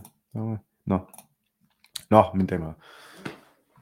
Jamen, øhm, som sagt, vi skulle egentlig først starte den 28. september øhm, med, øh, med vores øh, næste nye sæson af podcasten her, og den 28. september, der bliver det, jeg vil ikke afsløre helt nu, hvem der kommer med som gæst, men, øh, men jeg kan afsløre, at det bliver et emne om omskæring. Ja, omskæring. Apropos omskæring, det var også noget, som Hussein Ali var ude med i, øh, i medierne dengang, øh, hvor han også kunne tale. Øh, han fik sikkert også en masse hug for det. det. Det ved jeg også selv. Jeg fik også selv en masse hug for det, da jeg skrev en artikel om det for det er et par år siden. Ikke? Så jeg ved, hvad, hvad, der kan, hvad der kan røre, hvis man går ud og, og skriver det. Øhm, men, øh, men omskæring, det er det, det handler om. Øh, vores første afsnit, og så, så har vi nogle flere ting på, på menuen, og som sagt, som jeg også afsluttede lige før, så har Per og jeg også et, et særligt afsnit, hvor vi, øh, hvor vi fortæller lidt om nogle af de her, eller viser nogle af de her manipulerende taktikker, øh, nogle af dem de bruger, som, som man virkelig skal være opmærksom på. Det, det er simpelthen, øh, jeg, jeg, jeg kan virkelig godt mærke på mig selv, altså det der med kriminalitet og sådan noget, det er vi jo alle sammen enige om, det er jo ikke acceptabelt, men hvis der er noget, der pisser mig mere af, så er det, når folk de lyver eller bedrager på den måde, at de sådan fører folk bag lyset, det kan virkelig pisse mig af. Også fordi det, det skaber jo bare så meget mistillid i samfundet, når man opdager det, fordi I ved det selv, hvis I, hvis I har stolt på en person, som så viser sig at være et øh, største røvhul, eller en vendekåbe, eller hvad man vil kalde det, man stoler jo ikke, altså det, det, man mister en vis tillid til andre mennesker, øh, medmindre man selvfølgelig er fuldstændig halal hippie og bare tænker om, det er jo bare, uh, det skal jeg ikke kunne sige, men altså jeg i hvert fald, jeg, jeg synes virkelig, det, det ødelægger tilliden i et samfund, og den der harmoni, der skal være i samfundet, det ødelægger det, og det, der, derfor synes jeg, det er vigtigt, at vi, vi, at vi gør hinanden opmærksom på det også hele tiden. Også Jeg tror også, jeg engang skrev et opslag, hvor jeg, hvor jeg skrev, øhm, tag et screenshot af det her, jeg skriver nu, og hvis jeg nogensinde vender mig, du ved, så brug det her imod mig. Det var sådan et eller andet, du ved, også øh, for hele tiden at at minde sig selv om, hvor, hvad det er, man øh, står for, og, og hvad det er, man kæmper for, fordi man kan virkelig hurtigt blive manipuleret af de her typer, hvis man ikke er opmærksom, hvis man ikke er vågen. Og det, det jeg synes virkelig, det, det, er, det er langt værre end de der trusler. Så når truslerne, glem dem. Det er jo det, det, det er sådan noget øh, sniksnak. Altså. Trusler og, og tilsvining og sådan noget. Det, det er skide ligegyldigt i sidste ende. Altså, det, det, det lærer man hurtigt at, at blokere fra, men det manipulerende, det er, det, skulle, det, det er det, man skal være påpasselig med, fordi de, de netop bruger ens følelser, ens empati til at komme ind på, og hele den der samvittighedskval, og den måde, de styrer det, der kontrol ligger i, den ligger i samvittigheden og i, i skylden og sådan noget, ikke? Ja, ja, nå.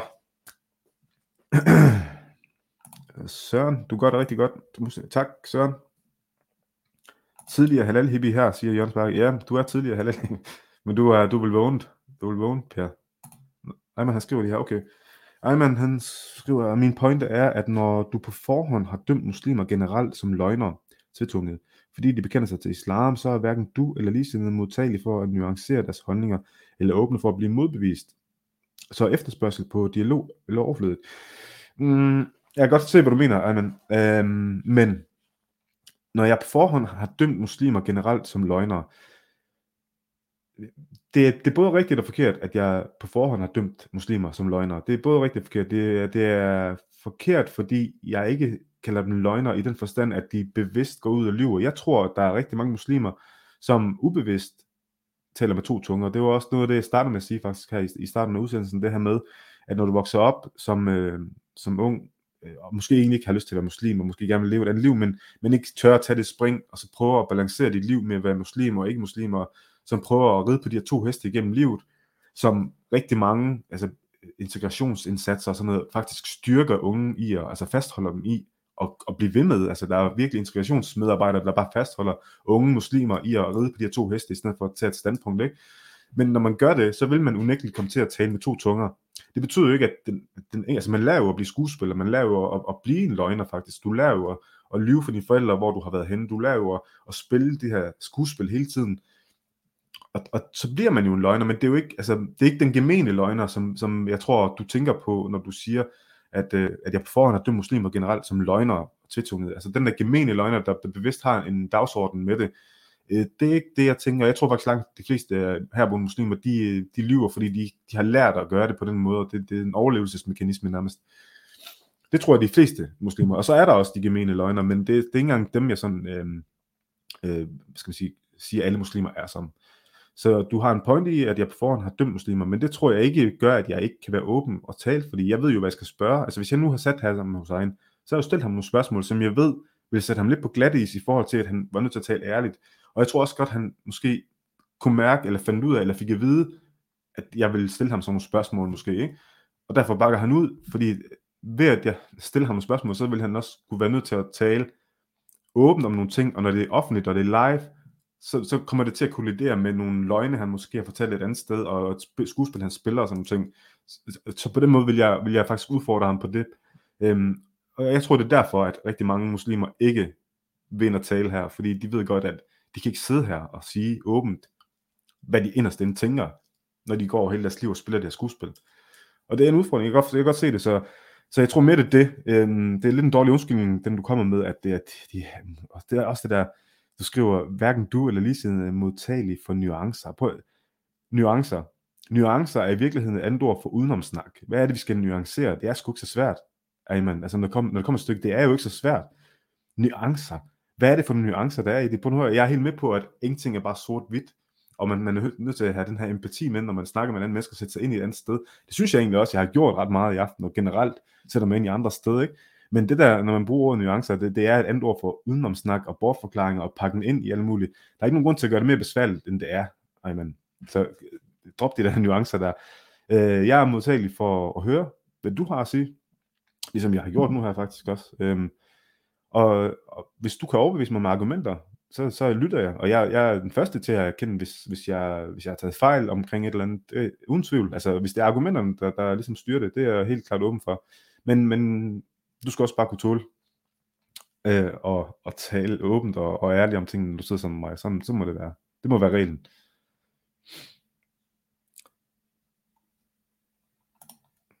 Øh, Amen. Gemene løgner eller ej, så mener du jo stadig, at det, der kommer ud af enhver muslims mund, er løgn. Så, okay, men det, det er måske noget, du svarer til lidt tidligere. Jeg, jeg håber, at du fik et svar på det alligevel, Ejman.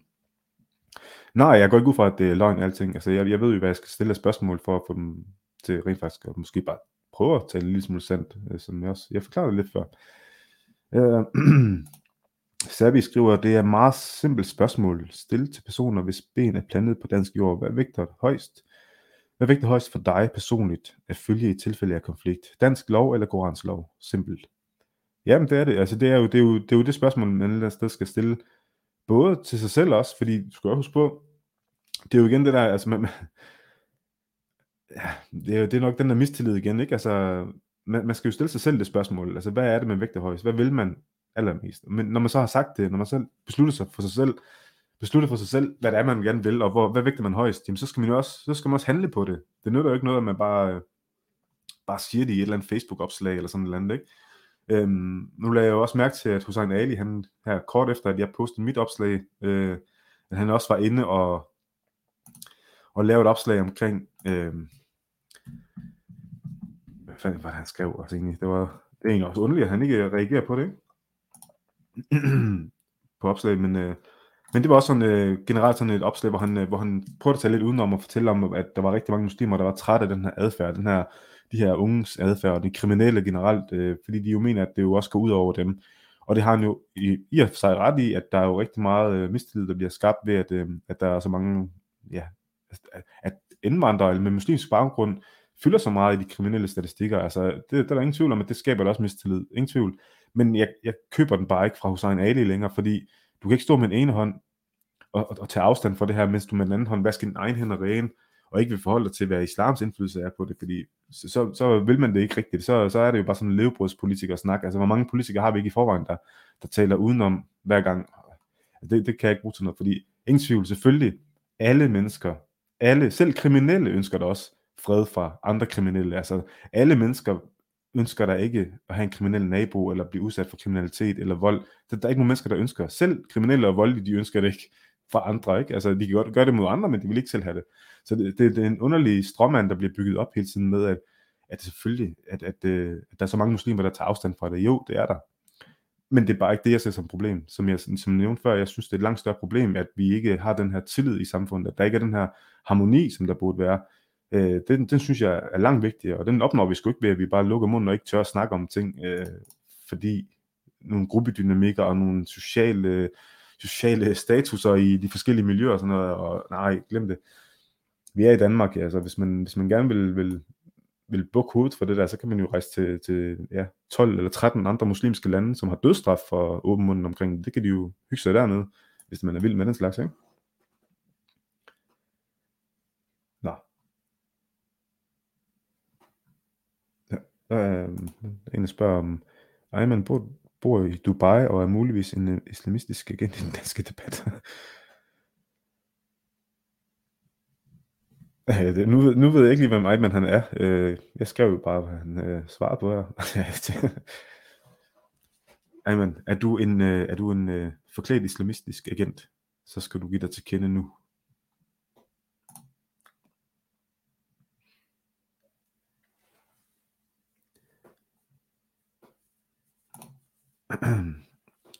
Hulsen, du tror, at mange muslimer er til fester og lyver for deres forældre og bliver vant til at lyve. Det beviser bare, at du ikke kender mange muslimer, fordi du var sådan, tror du alle er sådan. Mm, nu ved jeg ikke, hvad man skal udtale dit navn der. Hulsen? Det, det er en fake profil sikkert, men øhm, jeg tror, at mange muslimer er til fester og lyver. Nej, jeg tror, ja, jo, det tror jeg da helt klart, at der er. Øhm, men, men hvad, hvad er det, det beviser? Du siger, det beviser bare, at du ikke kender mange muslimer. Altså, det er rigtigt, jeg hænger ikke ud så, meget med så mange muslimer. Og det kommer også an på, hvad er det, du kalder muslimer? Fordi det er klart, jeg har jo også mødt øh, folk med muslimsk baggrund, som øh, mener, at man ikke er rigtig muslim, hvis man netop går til fester. Øh, dem kender vi jo også. Og der er også øh, folk med muslimsk baggrund, som mener, at man er muslim, man kun er rigtig muslim, hvis man gør, tager i moské, eller hvis man beder, og hvis man, alle de her ting, passer de her ting. Og det må man jo mene alt, hvad man vil. Det er ikke en diskussion, jeg gider gå ind i, hvad der er en, en rigtig muslim eller en ikke, ikke rigtig muslim. Det kan, det kan muslimer indbyrdes selv diskutere. Det, det må muslimer selv gøre. Det gider jeg ikke gå ind i. Øhm, men jo, altså jeg er da helt sikker på, at der er rigtig mange med muslimsk baggrund, som netop går til fester, og som gerne, eller som gerne vil til fester, eller som gerne vil leve et, et, et helt andet liv, øh, ligesom deres, øh, deres danske, ikke-muslimske kammerater øh, lever. Det ved jeg, der er. Så jeg ved ikke helt, hvad, hvad det er, du egentlig vil med den kommentar, enten at prøve at, ved ikke, hvad du prøver egentlig at udstille, at jeg ikke ved noget om, om muslimer og islam, eller hvordan, hvad du, du må gerne uddybe, øh, hul, sådan. Hulsen. Mange muslimer er ikke herinde, fordi at de ikke tør at sige sandheden. Øh, nu beviser du igen, at du ikke kender til muslimske miljøer. De er her ikke, fordi det, der er vigtige ting i livet. altså øh, herinde, altså i chatten mener du, eller hvad? Eller i vores øh, program, altså i øh, debatten, podcasten hedder, ikke? Men de her vigtige ting i livet. Okay, så må du gerne uddybe, hvad, hvad er vigtige ting, som, som hvad for eksempel? Øhm, at sidde her og skrive i kommentarerne, eller mm, hvad, på, hvad i måske, eller hvad, hvad, hvad tænker du? At du kender særlig mange muslimer beviser, at du er ligesom her fra Danmark, som sidder og kender alt om muslimer fra medierne. ja, alt hvad jeg ved om, om muslimer er fra medierne. Det har du fuldstændig ret i. Hul, send øh, med, med sin fake profil. Altså, jeg kan huske, da jeg, øh, da jeg så øh, Black Hawk Down, jeg tænkte bare, hold op, de der muslimer der, de render bare rundt med AK-47 og skyder sådan noget. Øh, så det er jeg ret sikker på, at det er sådan, det er. Øh, det, ude i den virkelige verden. Det er, jeg sidder her hjemme i min stue og tænker, de der muslimer, der holdt op, de render rundt med AK-47 og sådan, når de spiser børn. Så det, øh, det, ja, du har en pointe, Hulsen, helt sikkert. Øhm, alt hvad jeg ved om muslimer og islam, det er fra medierne, absolut. Det, det kan ikke være andre steder fra. Det kan det næsten ikke. Øhm, det skulle... det...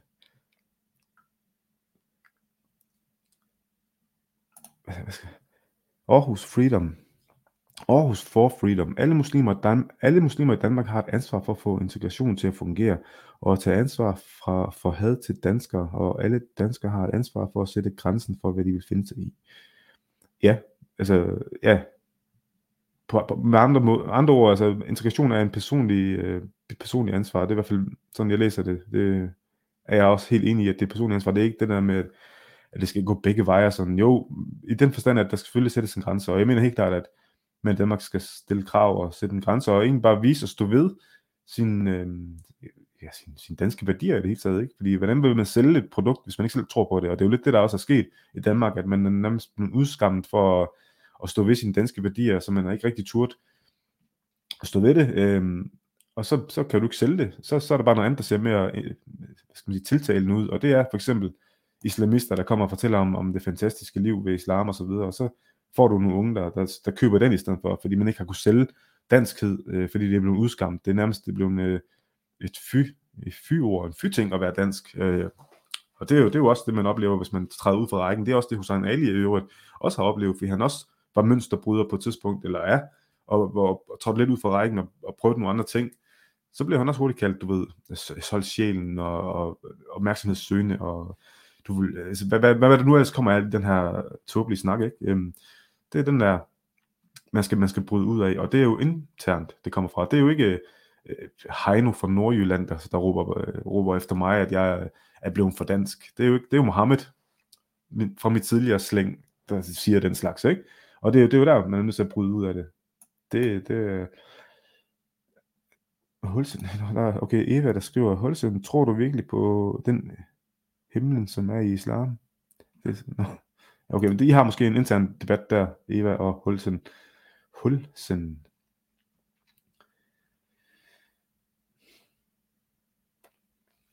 Nå, mine damer og herrer.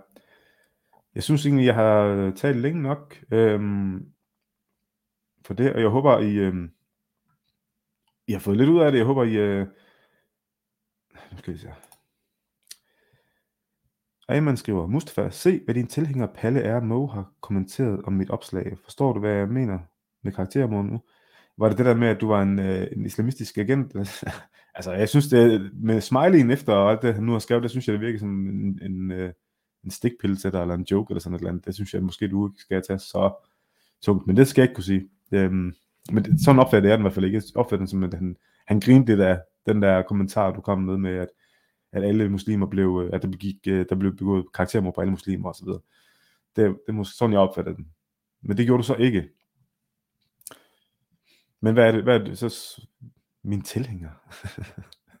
ja, det er egentlig sjovt, at du siger det, Ejman, fordi min tilhænger, jeg oplever jo tit det her med øh, muslimer, som øh, øh, igen den manipulerende type, ikke den der type, der sviner en til, øh, men mest den manipulerende type, der har et enormt stort problem, når der er folk, der, der liker mine ting. Også ligesom jeg nævnte til at starte med, det der med, hver gang der er en hvid, der liker det, så er der en brun, der disliker det. Det er helt 100%. Øh, den der misundelsesting, og den der med, at man sådan prøver at, at øh, få folk til ikke at kunne, øh, ikke at følge mig nærmest. Altså, I må ikke lytte til mig. Så, så her og fru Danmark derude, som, som følger mig, I skal lade være med at lytte til, hvad jeg siger. Simpelthen. Det, det er det, jeg fornemmer på de her muslimske venner her. Øh, I skal ikke lytte til mig. Øh, ja, det kan godt være, at I selv kan se derude, hvad der egentlig foregår, men glem det, det, det er lige meget. Det er lige meget. Det kan godt være, at I selv oplever øh, kriminaliteten og, og de tvetungede og, og den her manipulation og så videre. Det, det kan godt være, men det er lige meget. I skal i hvert fald ikke lytte til mig. Det er helt sikkert. Altså det, det er den øh, forventning, der er, og, det, og, og jeg ser det også. I har selv oplevet det, nogle af jer, der, der følger mig på Facebook. Øh, I har selv oplevet, hvordan der kommer en ind, og så kalder jeg alle sammen for racister, fordi I, I har en holdning, ikke? Altså, og, og den holdning, I har, den er jo ikke engang racistisk i det hele taget. Ikke? Øh, mange af dem er jo i hvert fald ikke... Øh, der, jeg, jeg tror, jeg har set nogle enkelte få, hvor det bevæger sig hen på sådan et eller andet, øh, ikke racistisk, men sådan lidt dårligt formuleret. Dem er der jo også, det må jo så erkende, og især på højrefløjen, der har vi jo desværre nogen, som ikke er så velformuleret, som, som faktisk ødelægger debatten lidt indimellem. Altså, så kan man sidde og have brugt rigtig meget tid på at diskutere med, med en, en, enten en ret troende muslim eller en, en hobbymuslim, og bruge rigtig meget tid på at diskutere med vedkommende, når man har brugt nogle gode argumenter, og så kommer der en eller anden en eller anden Heino fra Nordjylland igen og siger, at det I skal kraft med bare ud, men altså, hvor man bare hold nu kæft, vent med at sige det til bagefter. Nu snakker vi lige, stop med at ødelægge det, ikke? Og så, så ved man bare, at hele diskussionen kun drejer sig om den ene kommentar, og så bliver det helt ødelagt, ikke? Og det, øhm, det, er, det, det skulle godt nok op ad bakke nogle gange, men altså, det, det hører med, og hvis folk ikke kan tåle det, så, så skal de jo lade være med at, blande sig i debatten, altså sådan er det jo. Så skal man jo blive derhjemme, eller gå i moské jo. Som Hussein Ali vil sige. Nå, Hulsen svarer igen. Altså. Ah, på, Hulsen, vi tager lige din, øh, vi tager lige din bagefter her. Du skriver, jeg vil gerne forstå de problemer med islam. Er det muslimer i dag, og deres opførsel eller Koran har de? Den vil jeg gerne lige svare lige om lidt, men der er faktisk en her, øh, der spørger, kunne godt tænke mig, at du analyserede videoen færdig med Hussein, der bliver overfaldet. Jamen, øh, det vil jeg da gerne gøre. Jeg tror egentlig også, den sprang vi lidt for hurtigt over, egentlig, tror jeg. Uh, jeg skal finde den igen her.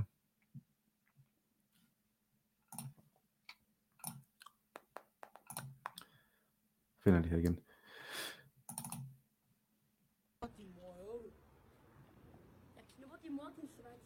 Hvorfor? Hvad, hvad, hvad skal I snakke sådan der til mig? Hvad fuck er det for en skrud, på din lille smarte, mand? Hvorfor? Hvorfor skal du snakke sådan der til mig? Hvor kom vi til Har du læst? Koranen? Ja, jeg har læst. Okay, Ja, må man gerne snakke den, den der fik vi med, ikke? Altså det her med, at med den sociale, religiøse social kontrol, som han øh, smider oven i hovedet på ham, at øh, han er egentlig ikke en god muslim, og en god muslim vil jo selvfølgelig aldrig tale sådan. Det er lidt det, er det der er fortællingen. Øh, til det vil jeg egentlig lige hurtigt tilføje, det fik jeg ikke gjort før, til det vil jeg lige tilføje, lad os, lad os antage, at det, det Hussein Ali han siger der, det er rigtigt, at hvis du nu havde læst Koranen, og du havde været en god muslim, så havde du ikke, så havde du været veltalende, og, og så havde du været meget bedre. Lad os antage, at det var sådan, Hussein. Jamen, øh, en anden, som har læst Koranen, det er ham her. Uh, ja, Osama bin Laden, han har da i hvert fald læst Koranen. Der er også ham her, Baghdadi fra ISIS, der, kan I huske ham? Flinker, flinker fætter du. Ham kunne man godt tænke sig at have som nabo. Flink fyr, han har læst Koranen. Nå, Gennem til andre mennesker. Hvad er det, du sætter min bror på TikTok for, jeg... Han spurgte dig, Zakaria. Hvad så? Slet videoen, når jeg knipper. hans bror er Zakaria. Det, det er åbenbart, altså hans bror er åbenbart en meget, meget øh, respekteret gangster i området, eller en respekteret fyr, som den her lille dreng, han tænker, at han kan bruge til et eller andet. Altså, det, det er sgu sørgeligt, ikke? Altså, jeg synes jo, og det er jo igen, jeg, jeg, det er ikke fordi, jeg vil forsvare de her drenges opførsel, absolut ikke. Jeg synes helt klart, at man skal, man skal, man skal tage afstand fra det, og man skal slå ned på det, og man skal virkelig sige fra. Men jeg er også bare, jeg er også bare nødt til at, og det er også derfor, jeg synes, det er ærgerligt, at han ikke er med, fordi vi er bare nødt til at, at se, hvorfor islam spiller en rolle i det her. Øh, det gør det jo netop, som jeg også sagde før, altså de her drenge, de er rodløse i den forstand, at de jo hverken er gode muslimer, og de er ikke gode borgere. De står bare i ingenting. Og, og, altså, det er jo den frigørelsesproces, der er i det. Jeg tror virkelig, langt de fleste af de her drenge her, den type drenge her, de ønsker inderst inden ikke at, at være muslimer. De har det måske bedre med at, ikke at, altså, hvorfor, hvis vi, altså jeg kan huske, og jeg ved fra andre også, der har haft det på samme måde, øhm, det her med, at man ikke, man ikke interesserer sig for at skulle læse Koranen. Altså jeg vil hellere se fjernsyn, øh, se tegnefilm på tysk eller sådan et eller andet. Altså jeg tror, der er rigtig mange, der slet ikke interesserer sig for det, ikke har lyst til at være det. Øhm, og det skaber altså de her unge mennesker, som er øh, forvirret og, og frustreret. Og hvis ikke man forholder sig til det faktum også, øh, at det spiller en rolle, som Hussein jo så ikke vil gøre, han vil ikke forholde sig til det, han mener jo, at det er ingenting med det at gøre her. Jamen hvis ikke man forholder sig til det, så, så kommer vi ikke det videre. Altså vi kan godt blive ved med at bygge fængsler, og så bare smide dem ind i fængsler, og ind og ud af institutioner og så videre. Det kan vi godt blive ved med at bruge penge på. Det er bare ikke løsningen. Og det, det, kommer, altså, det er fuldstændig hul i hovedet, at vi bliver ved med at køre i den, i den, øh, i den bane. Ikke? Og jeg vil også sige, ham her, den lille af dem, altså han er jo i virkeligheden en, en lille fan af Hussein Ali. Jeg ved ikke, nu kan man ikke se det, fordi jeg har slørt det, men hvis I ser billedet, eller ser videoen, hvor man, ikke, hvor man kan se deres ansigter, man kan godt fornemme, at han er jo, han er jo egentlig, han er egentlig en lille fan af ham rigtigt, altså, selv, han, selvom han siger det i sjov på et tidspunkt, han er en fan af den lille luder og sådan noget, ikke? Man kan godt fornemme, at han er, han er draget af ham på en eller anden måde. Altså, der er også noget, som drager ham på en eller anden måde. Han synes, øh, måske ikke han er så skide fed, men han gør noget. Han synes, Hussein Ali gør noget. Han bryder nogle mønstre, som han også godt kunne tænke sig øh, men som han ikke rigtig tør. Øh, og, og det er det, vi nok skal, nu siger jeg vi som samfund, jeg mener ikke samfundet skal gøre så meget faktisk, øh, men, men alligevel, det er det, vi måske skal holde fokus på, altså det her med, at de her unge drenge, de faktisk i virkeligheden gerne vil være fri, men, men er fanget i det her. Og, og jeg ved godt, det lyder som om, at nu, skal, nu holder jeg nærmest med de her drenge, det gør jeg ikke. Jeg synes absolut ikke, deres opførsel er i orden overhovedet. Restgade. Det gjorde godt ikke. Øh, det er det, du har filmer. Åh, oh, fuck, det slet. Slet til din svans. Du har din svans, din luder. Din mor er en luder. Holder din mor en luder. Nej, det er hun ikke. Holder hun er. Nej. Koran, hun er en luder. Hvad siger du? Er luder. Hvorfor snakker du så grimt? Fuck dig, Hvor gammel er det, du er? Fuck dig, Nej, nu spørger jeg dig faktisk helt Fuck seriøst. dig, svans er 14. Hvorfor er det, du snakker så grimt? For du er en lille luder. Nej, det er jeg ikke, nej. Kan du godt lide, kan du godt lide bacon steak? Jeg elsker bacon svøb. Nej, Er du ikke svans? Er du ikke det halal, ikke? Han, han spørger, om man kan lide bacon svøb. Og det svarer Hussein, øh, han elsker bacon svøb. Og så siger en af hans kammerater, som I, jeg ved ikke, om I hørte det her, du ved godt, det er halal, ikke? Altså, det må man faktisk godt. og så prøver jeg at lægge mærke til, hvad han- den lille dreng, han så svarer sin egen ven, og hvordan han svarer ham. Jeg ved det ikke, er. Er halal, din lille luder? Er halal, din lille luder? Altså, siger han til sine egne venner også, ikke? Altså, han, det sprog der, det er jo, det, det, det er også det der med, at man skal huske på, at sproget er jo noget, som, ja, hvordan skal man forklare det? Altså, det, jeg kan godt forstå det farve, for det er et grimt sprog, utroligt grimt sprog, ikke? Men, men han taler det selv til sine egne venner. Og det er også derfor, jeg, jeg, jeg synes også, det understøtter lidt den der med, at han, han ikke taler til ham på den grimme måde, fordi han egentlig øh, vil, vil ham noget ondt, selvom han siger nogle vanvittige ting, om at han vil dræbe sin, hans mor og sådan ting. Altså, jeg tror jeg også langt hen ad vejen, at det er en helt naturlig ting for ham at tale så grimt, men han faktisk be, nærmest beundrer Hussein Ali, ikke? Og ved ham. Tror? Men jeg skal videre. Tror du, jeg er færdig med dig? Øh, Martha, vi skal gå en tur, mand. Mig og dig, vi skal gå en tur, mand. Hjælp mig. Du, du er velkommen til at tage med. Jeg skal videre. Din lille svans, jeg knipper dig. Hvad siger du? Hvor gammel er det, du er? Prøv, kom luder. Han vil gerne, han vil gerne også være kendt, tror jeg. Han, vil også, den der, han vil gerne på TikTok og være, stjerne, ikke? Prøv at høre her. Uden at han ved, hvad det betyder. Kom nu, mand. Du skal af mig, din luder. Jeg dræber din mor. Prøv at se, hvor høj jeg er i forhold til dig. Jeg er 1,86. Brothers, Du, du, du er 1,40. Jeg er 1,86. På TikTok, den her. Det gør jeg. Jeg lægger den på Facebook. Lægger du på TikTok, den her? Hvornår sender I? Hvornår sender I? Altså, jeg, jeg, jeg, jeg, det er virkelig en balancegang for mig, for jeg vil helst ikke øh, lyde som en, der, der bifalder den her adfærd overhovedet, men det er igen, fordi jeg virkelig kan se mig, mig selv fra dengang jeg var også den alder der, altså de, de, dem jeg hang ud med, det, det er lidt den samme, øh, samme type øh, så jeg kan godt se det. Øhm, og nu sidder jeg her. Hvad siger jeg, skal være? For en fra øh, da du sagde Osama Bin Laden, tænkte jeg med det samme på din joke om det at lave papirsfly. Og ja, ja, ja, ja, det vil jeg godt lige kan huske den, ja. Med, med SSP'erne der, som ansætter Osama Bin Laden, ja. Det er jo det, når man ikke er opmærksom på, hvad, hvad man har med at gøre, ikke? Når, man, når man køber ind på Hussein Alis øh, romantisering af islam, og det er jo fint nok, altså. I islam, den må man ikke bagtale købe ind på den, du. Når man køber ind på den slags, så får man lige pludselig øh, en masse romantiserede øh, billeder af islam, og så ansætter man folk øh, uvidende omkring, hvad, hvad det egentlig har betydning. Øhm, ja, nu skal jeg se, hvem var det nu, der spurgte om øhm, analysering af videoen her?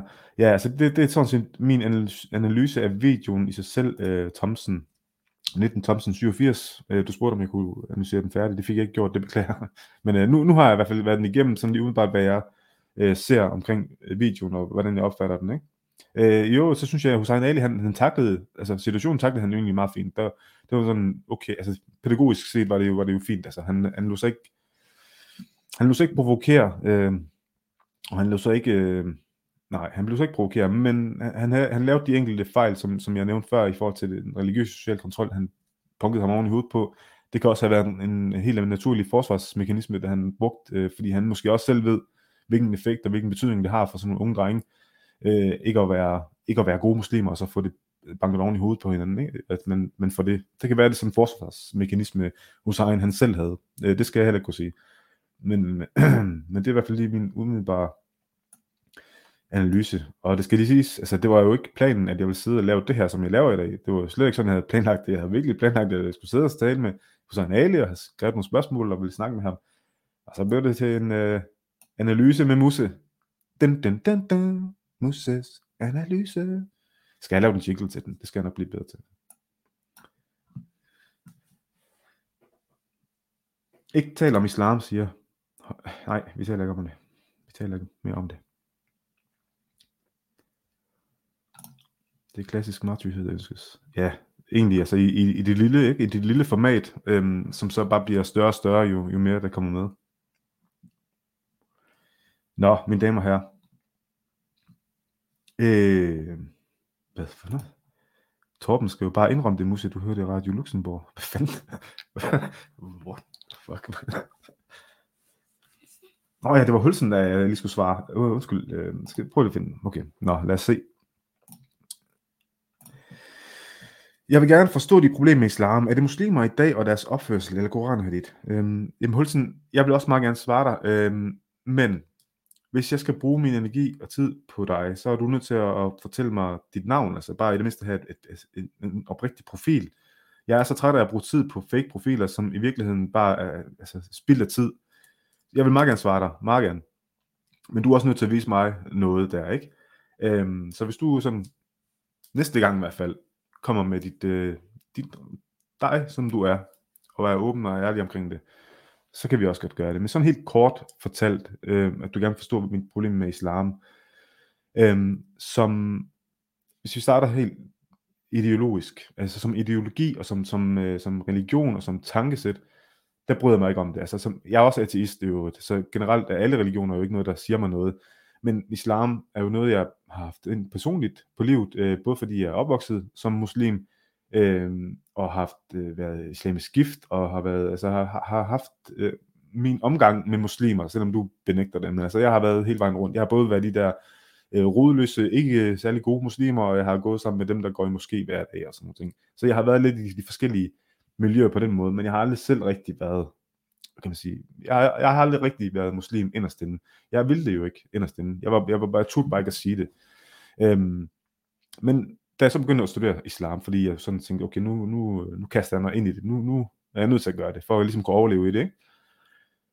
Der var ikke noget af det, der ramte mig. Der var ikke noget af det, der sagde mig. Der var, der var ingenting, altså overhovedet. Altså selv alt det, det smukke, som man siger i islam, det var noget, jeg så som, som øh, hvad skal man sige, lokkemad, altså noget, der lokker en ind for at købe ind på det. Der var virkelig ikke noget i islam, som jeg, jeg brød mig om overhovedet. Hele tanke, tanken om det, øh, og hele den underkastelse, der er i det, jeg brød mig ikke om det. Og den opdeling, der er af mennesker, og øh, ja, der er ikke noget i islam som ideologi og som religion, jeg bryder mig om.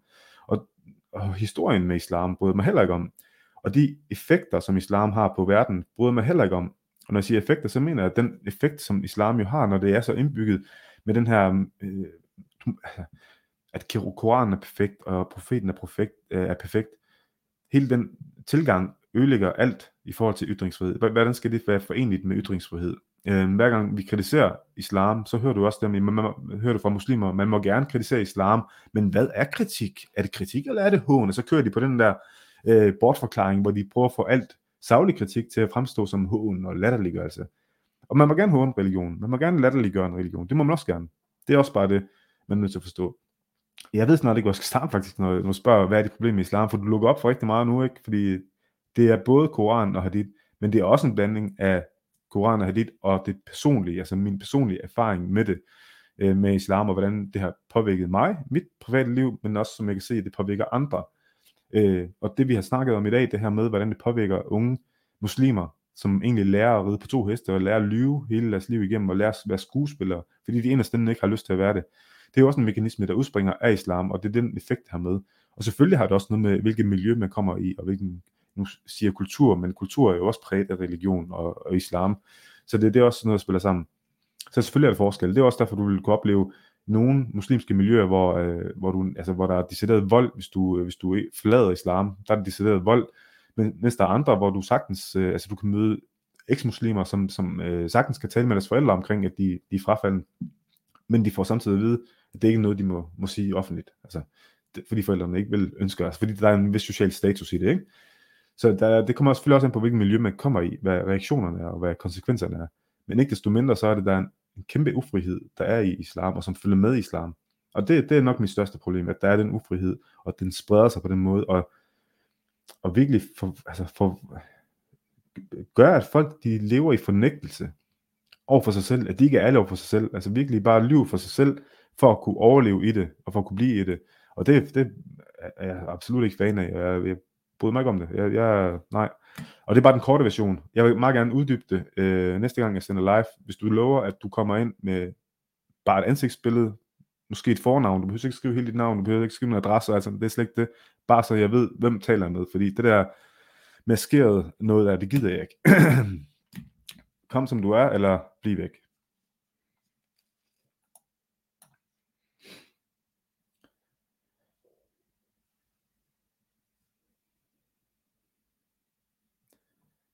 Nå.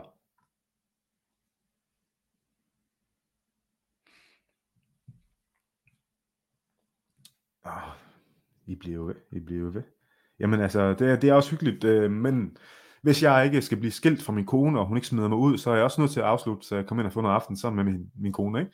Så I er altså nødt til at, og, nej, ved du hvad, jeg snakker om, hun skal da bare have burka på, så skal hun holde sin kæft. Undskyld, skat, undskyld. Nej, ved hvad, øh, damer og herrer, det har været hyggeligt. Øh, lidt anderledes, end jeg havde planlagt, men altså, sådan er det jo. Vi øh, omstiller os og tilpasser os, og så går det nok alligevel, ikke? Nå, i må, øh, I må have en rigtig god øh, aften, og vi sender igen den 28. som planlagt, medmindre der selvfølgelig sker et eller andet helt vildt. Det kan være, at Hussein han siger, okay, jeg, jeg er klar. Så kan det godt være, at vi laver en, en øh, breaking, og så kommer vi på alligevel. Men ellers så er planen den 28. september, der sender vi øh, den næste sæson af vores podcast. Der starter vi officielt. Så vi, øh, vi 20 starter lidt den her gang. Men, mine damer og herrer, det var, det var rigtig hyggeligt, og håber, I fik noget ud af det. Jeg håber, nogle af jer måske blev lidt klogere. Øh, og til Hussein, held og lykke. Øhm, jeg sætter ikke pris på, at du ikke øh, er ærlig over for dig selv, i det mindste. Øhm, det, det synes jeg, det har ingen respekt for. Øhm, jeg håber, du bliver klogere, og håber, du øh, får noget dig sammen til rent faktisk at, at tage fat hvor, om Nellens rod, om man vil sige, nu når du også vil være byrådspolitiker. Ja, det er jo endnu en levebrødspolitiker nærmere. Men mine damer og herrer, Tak for i aften.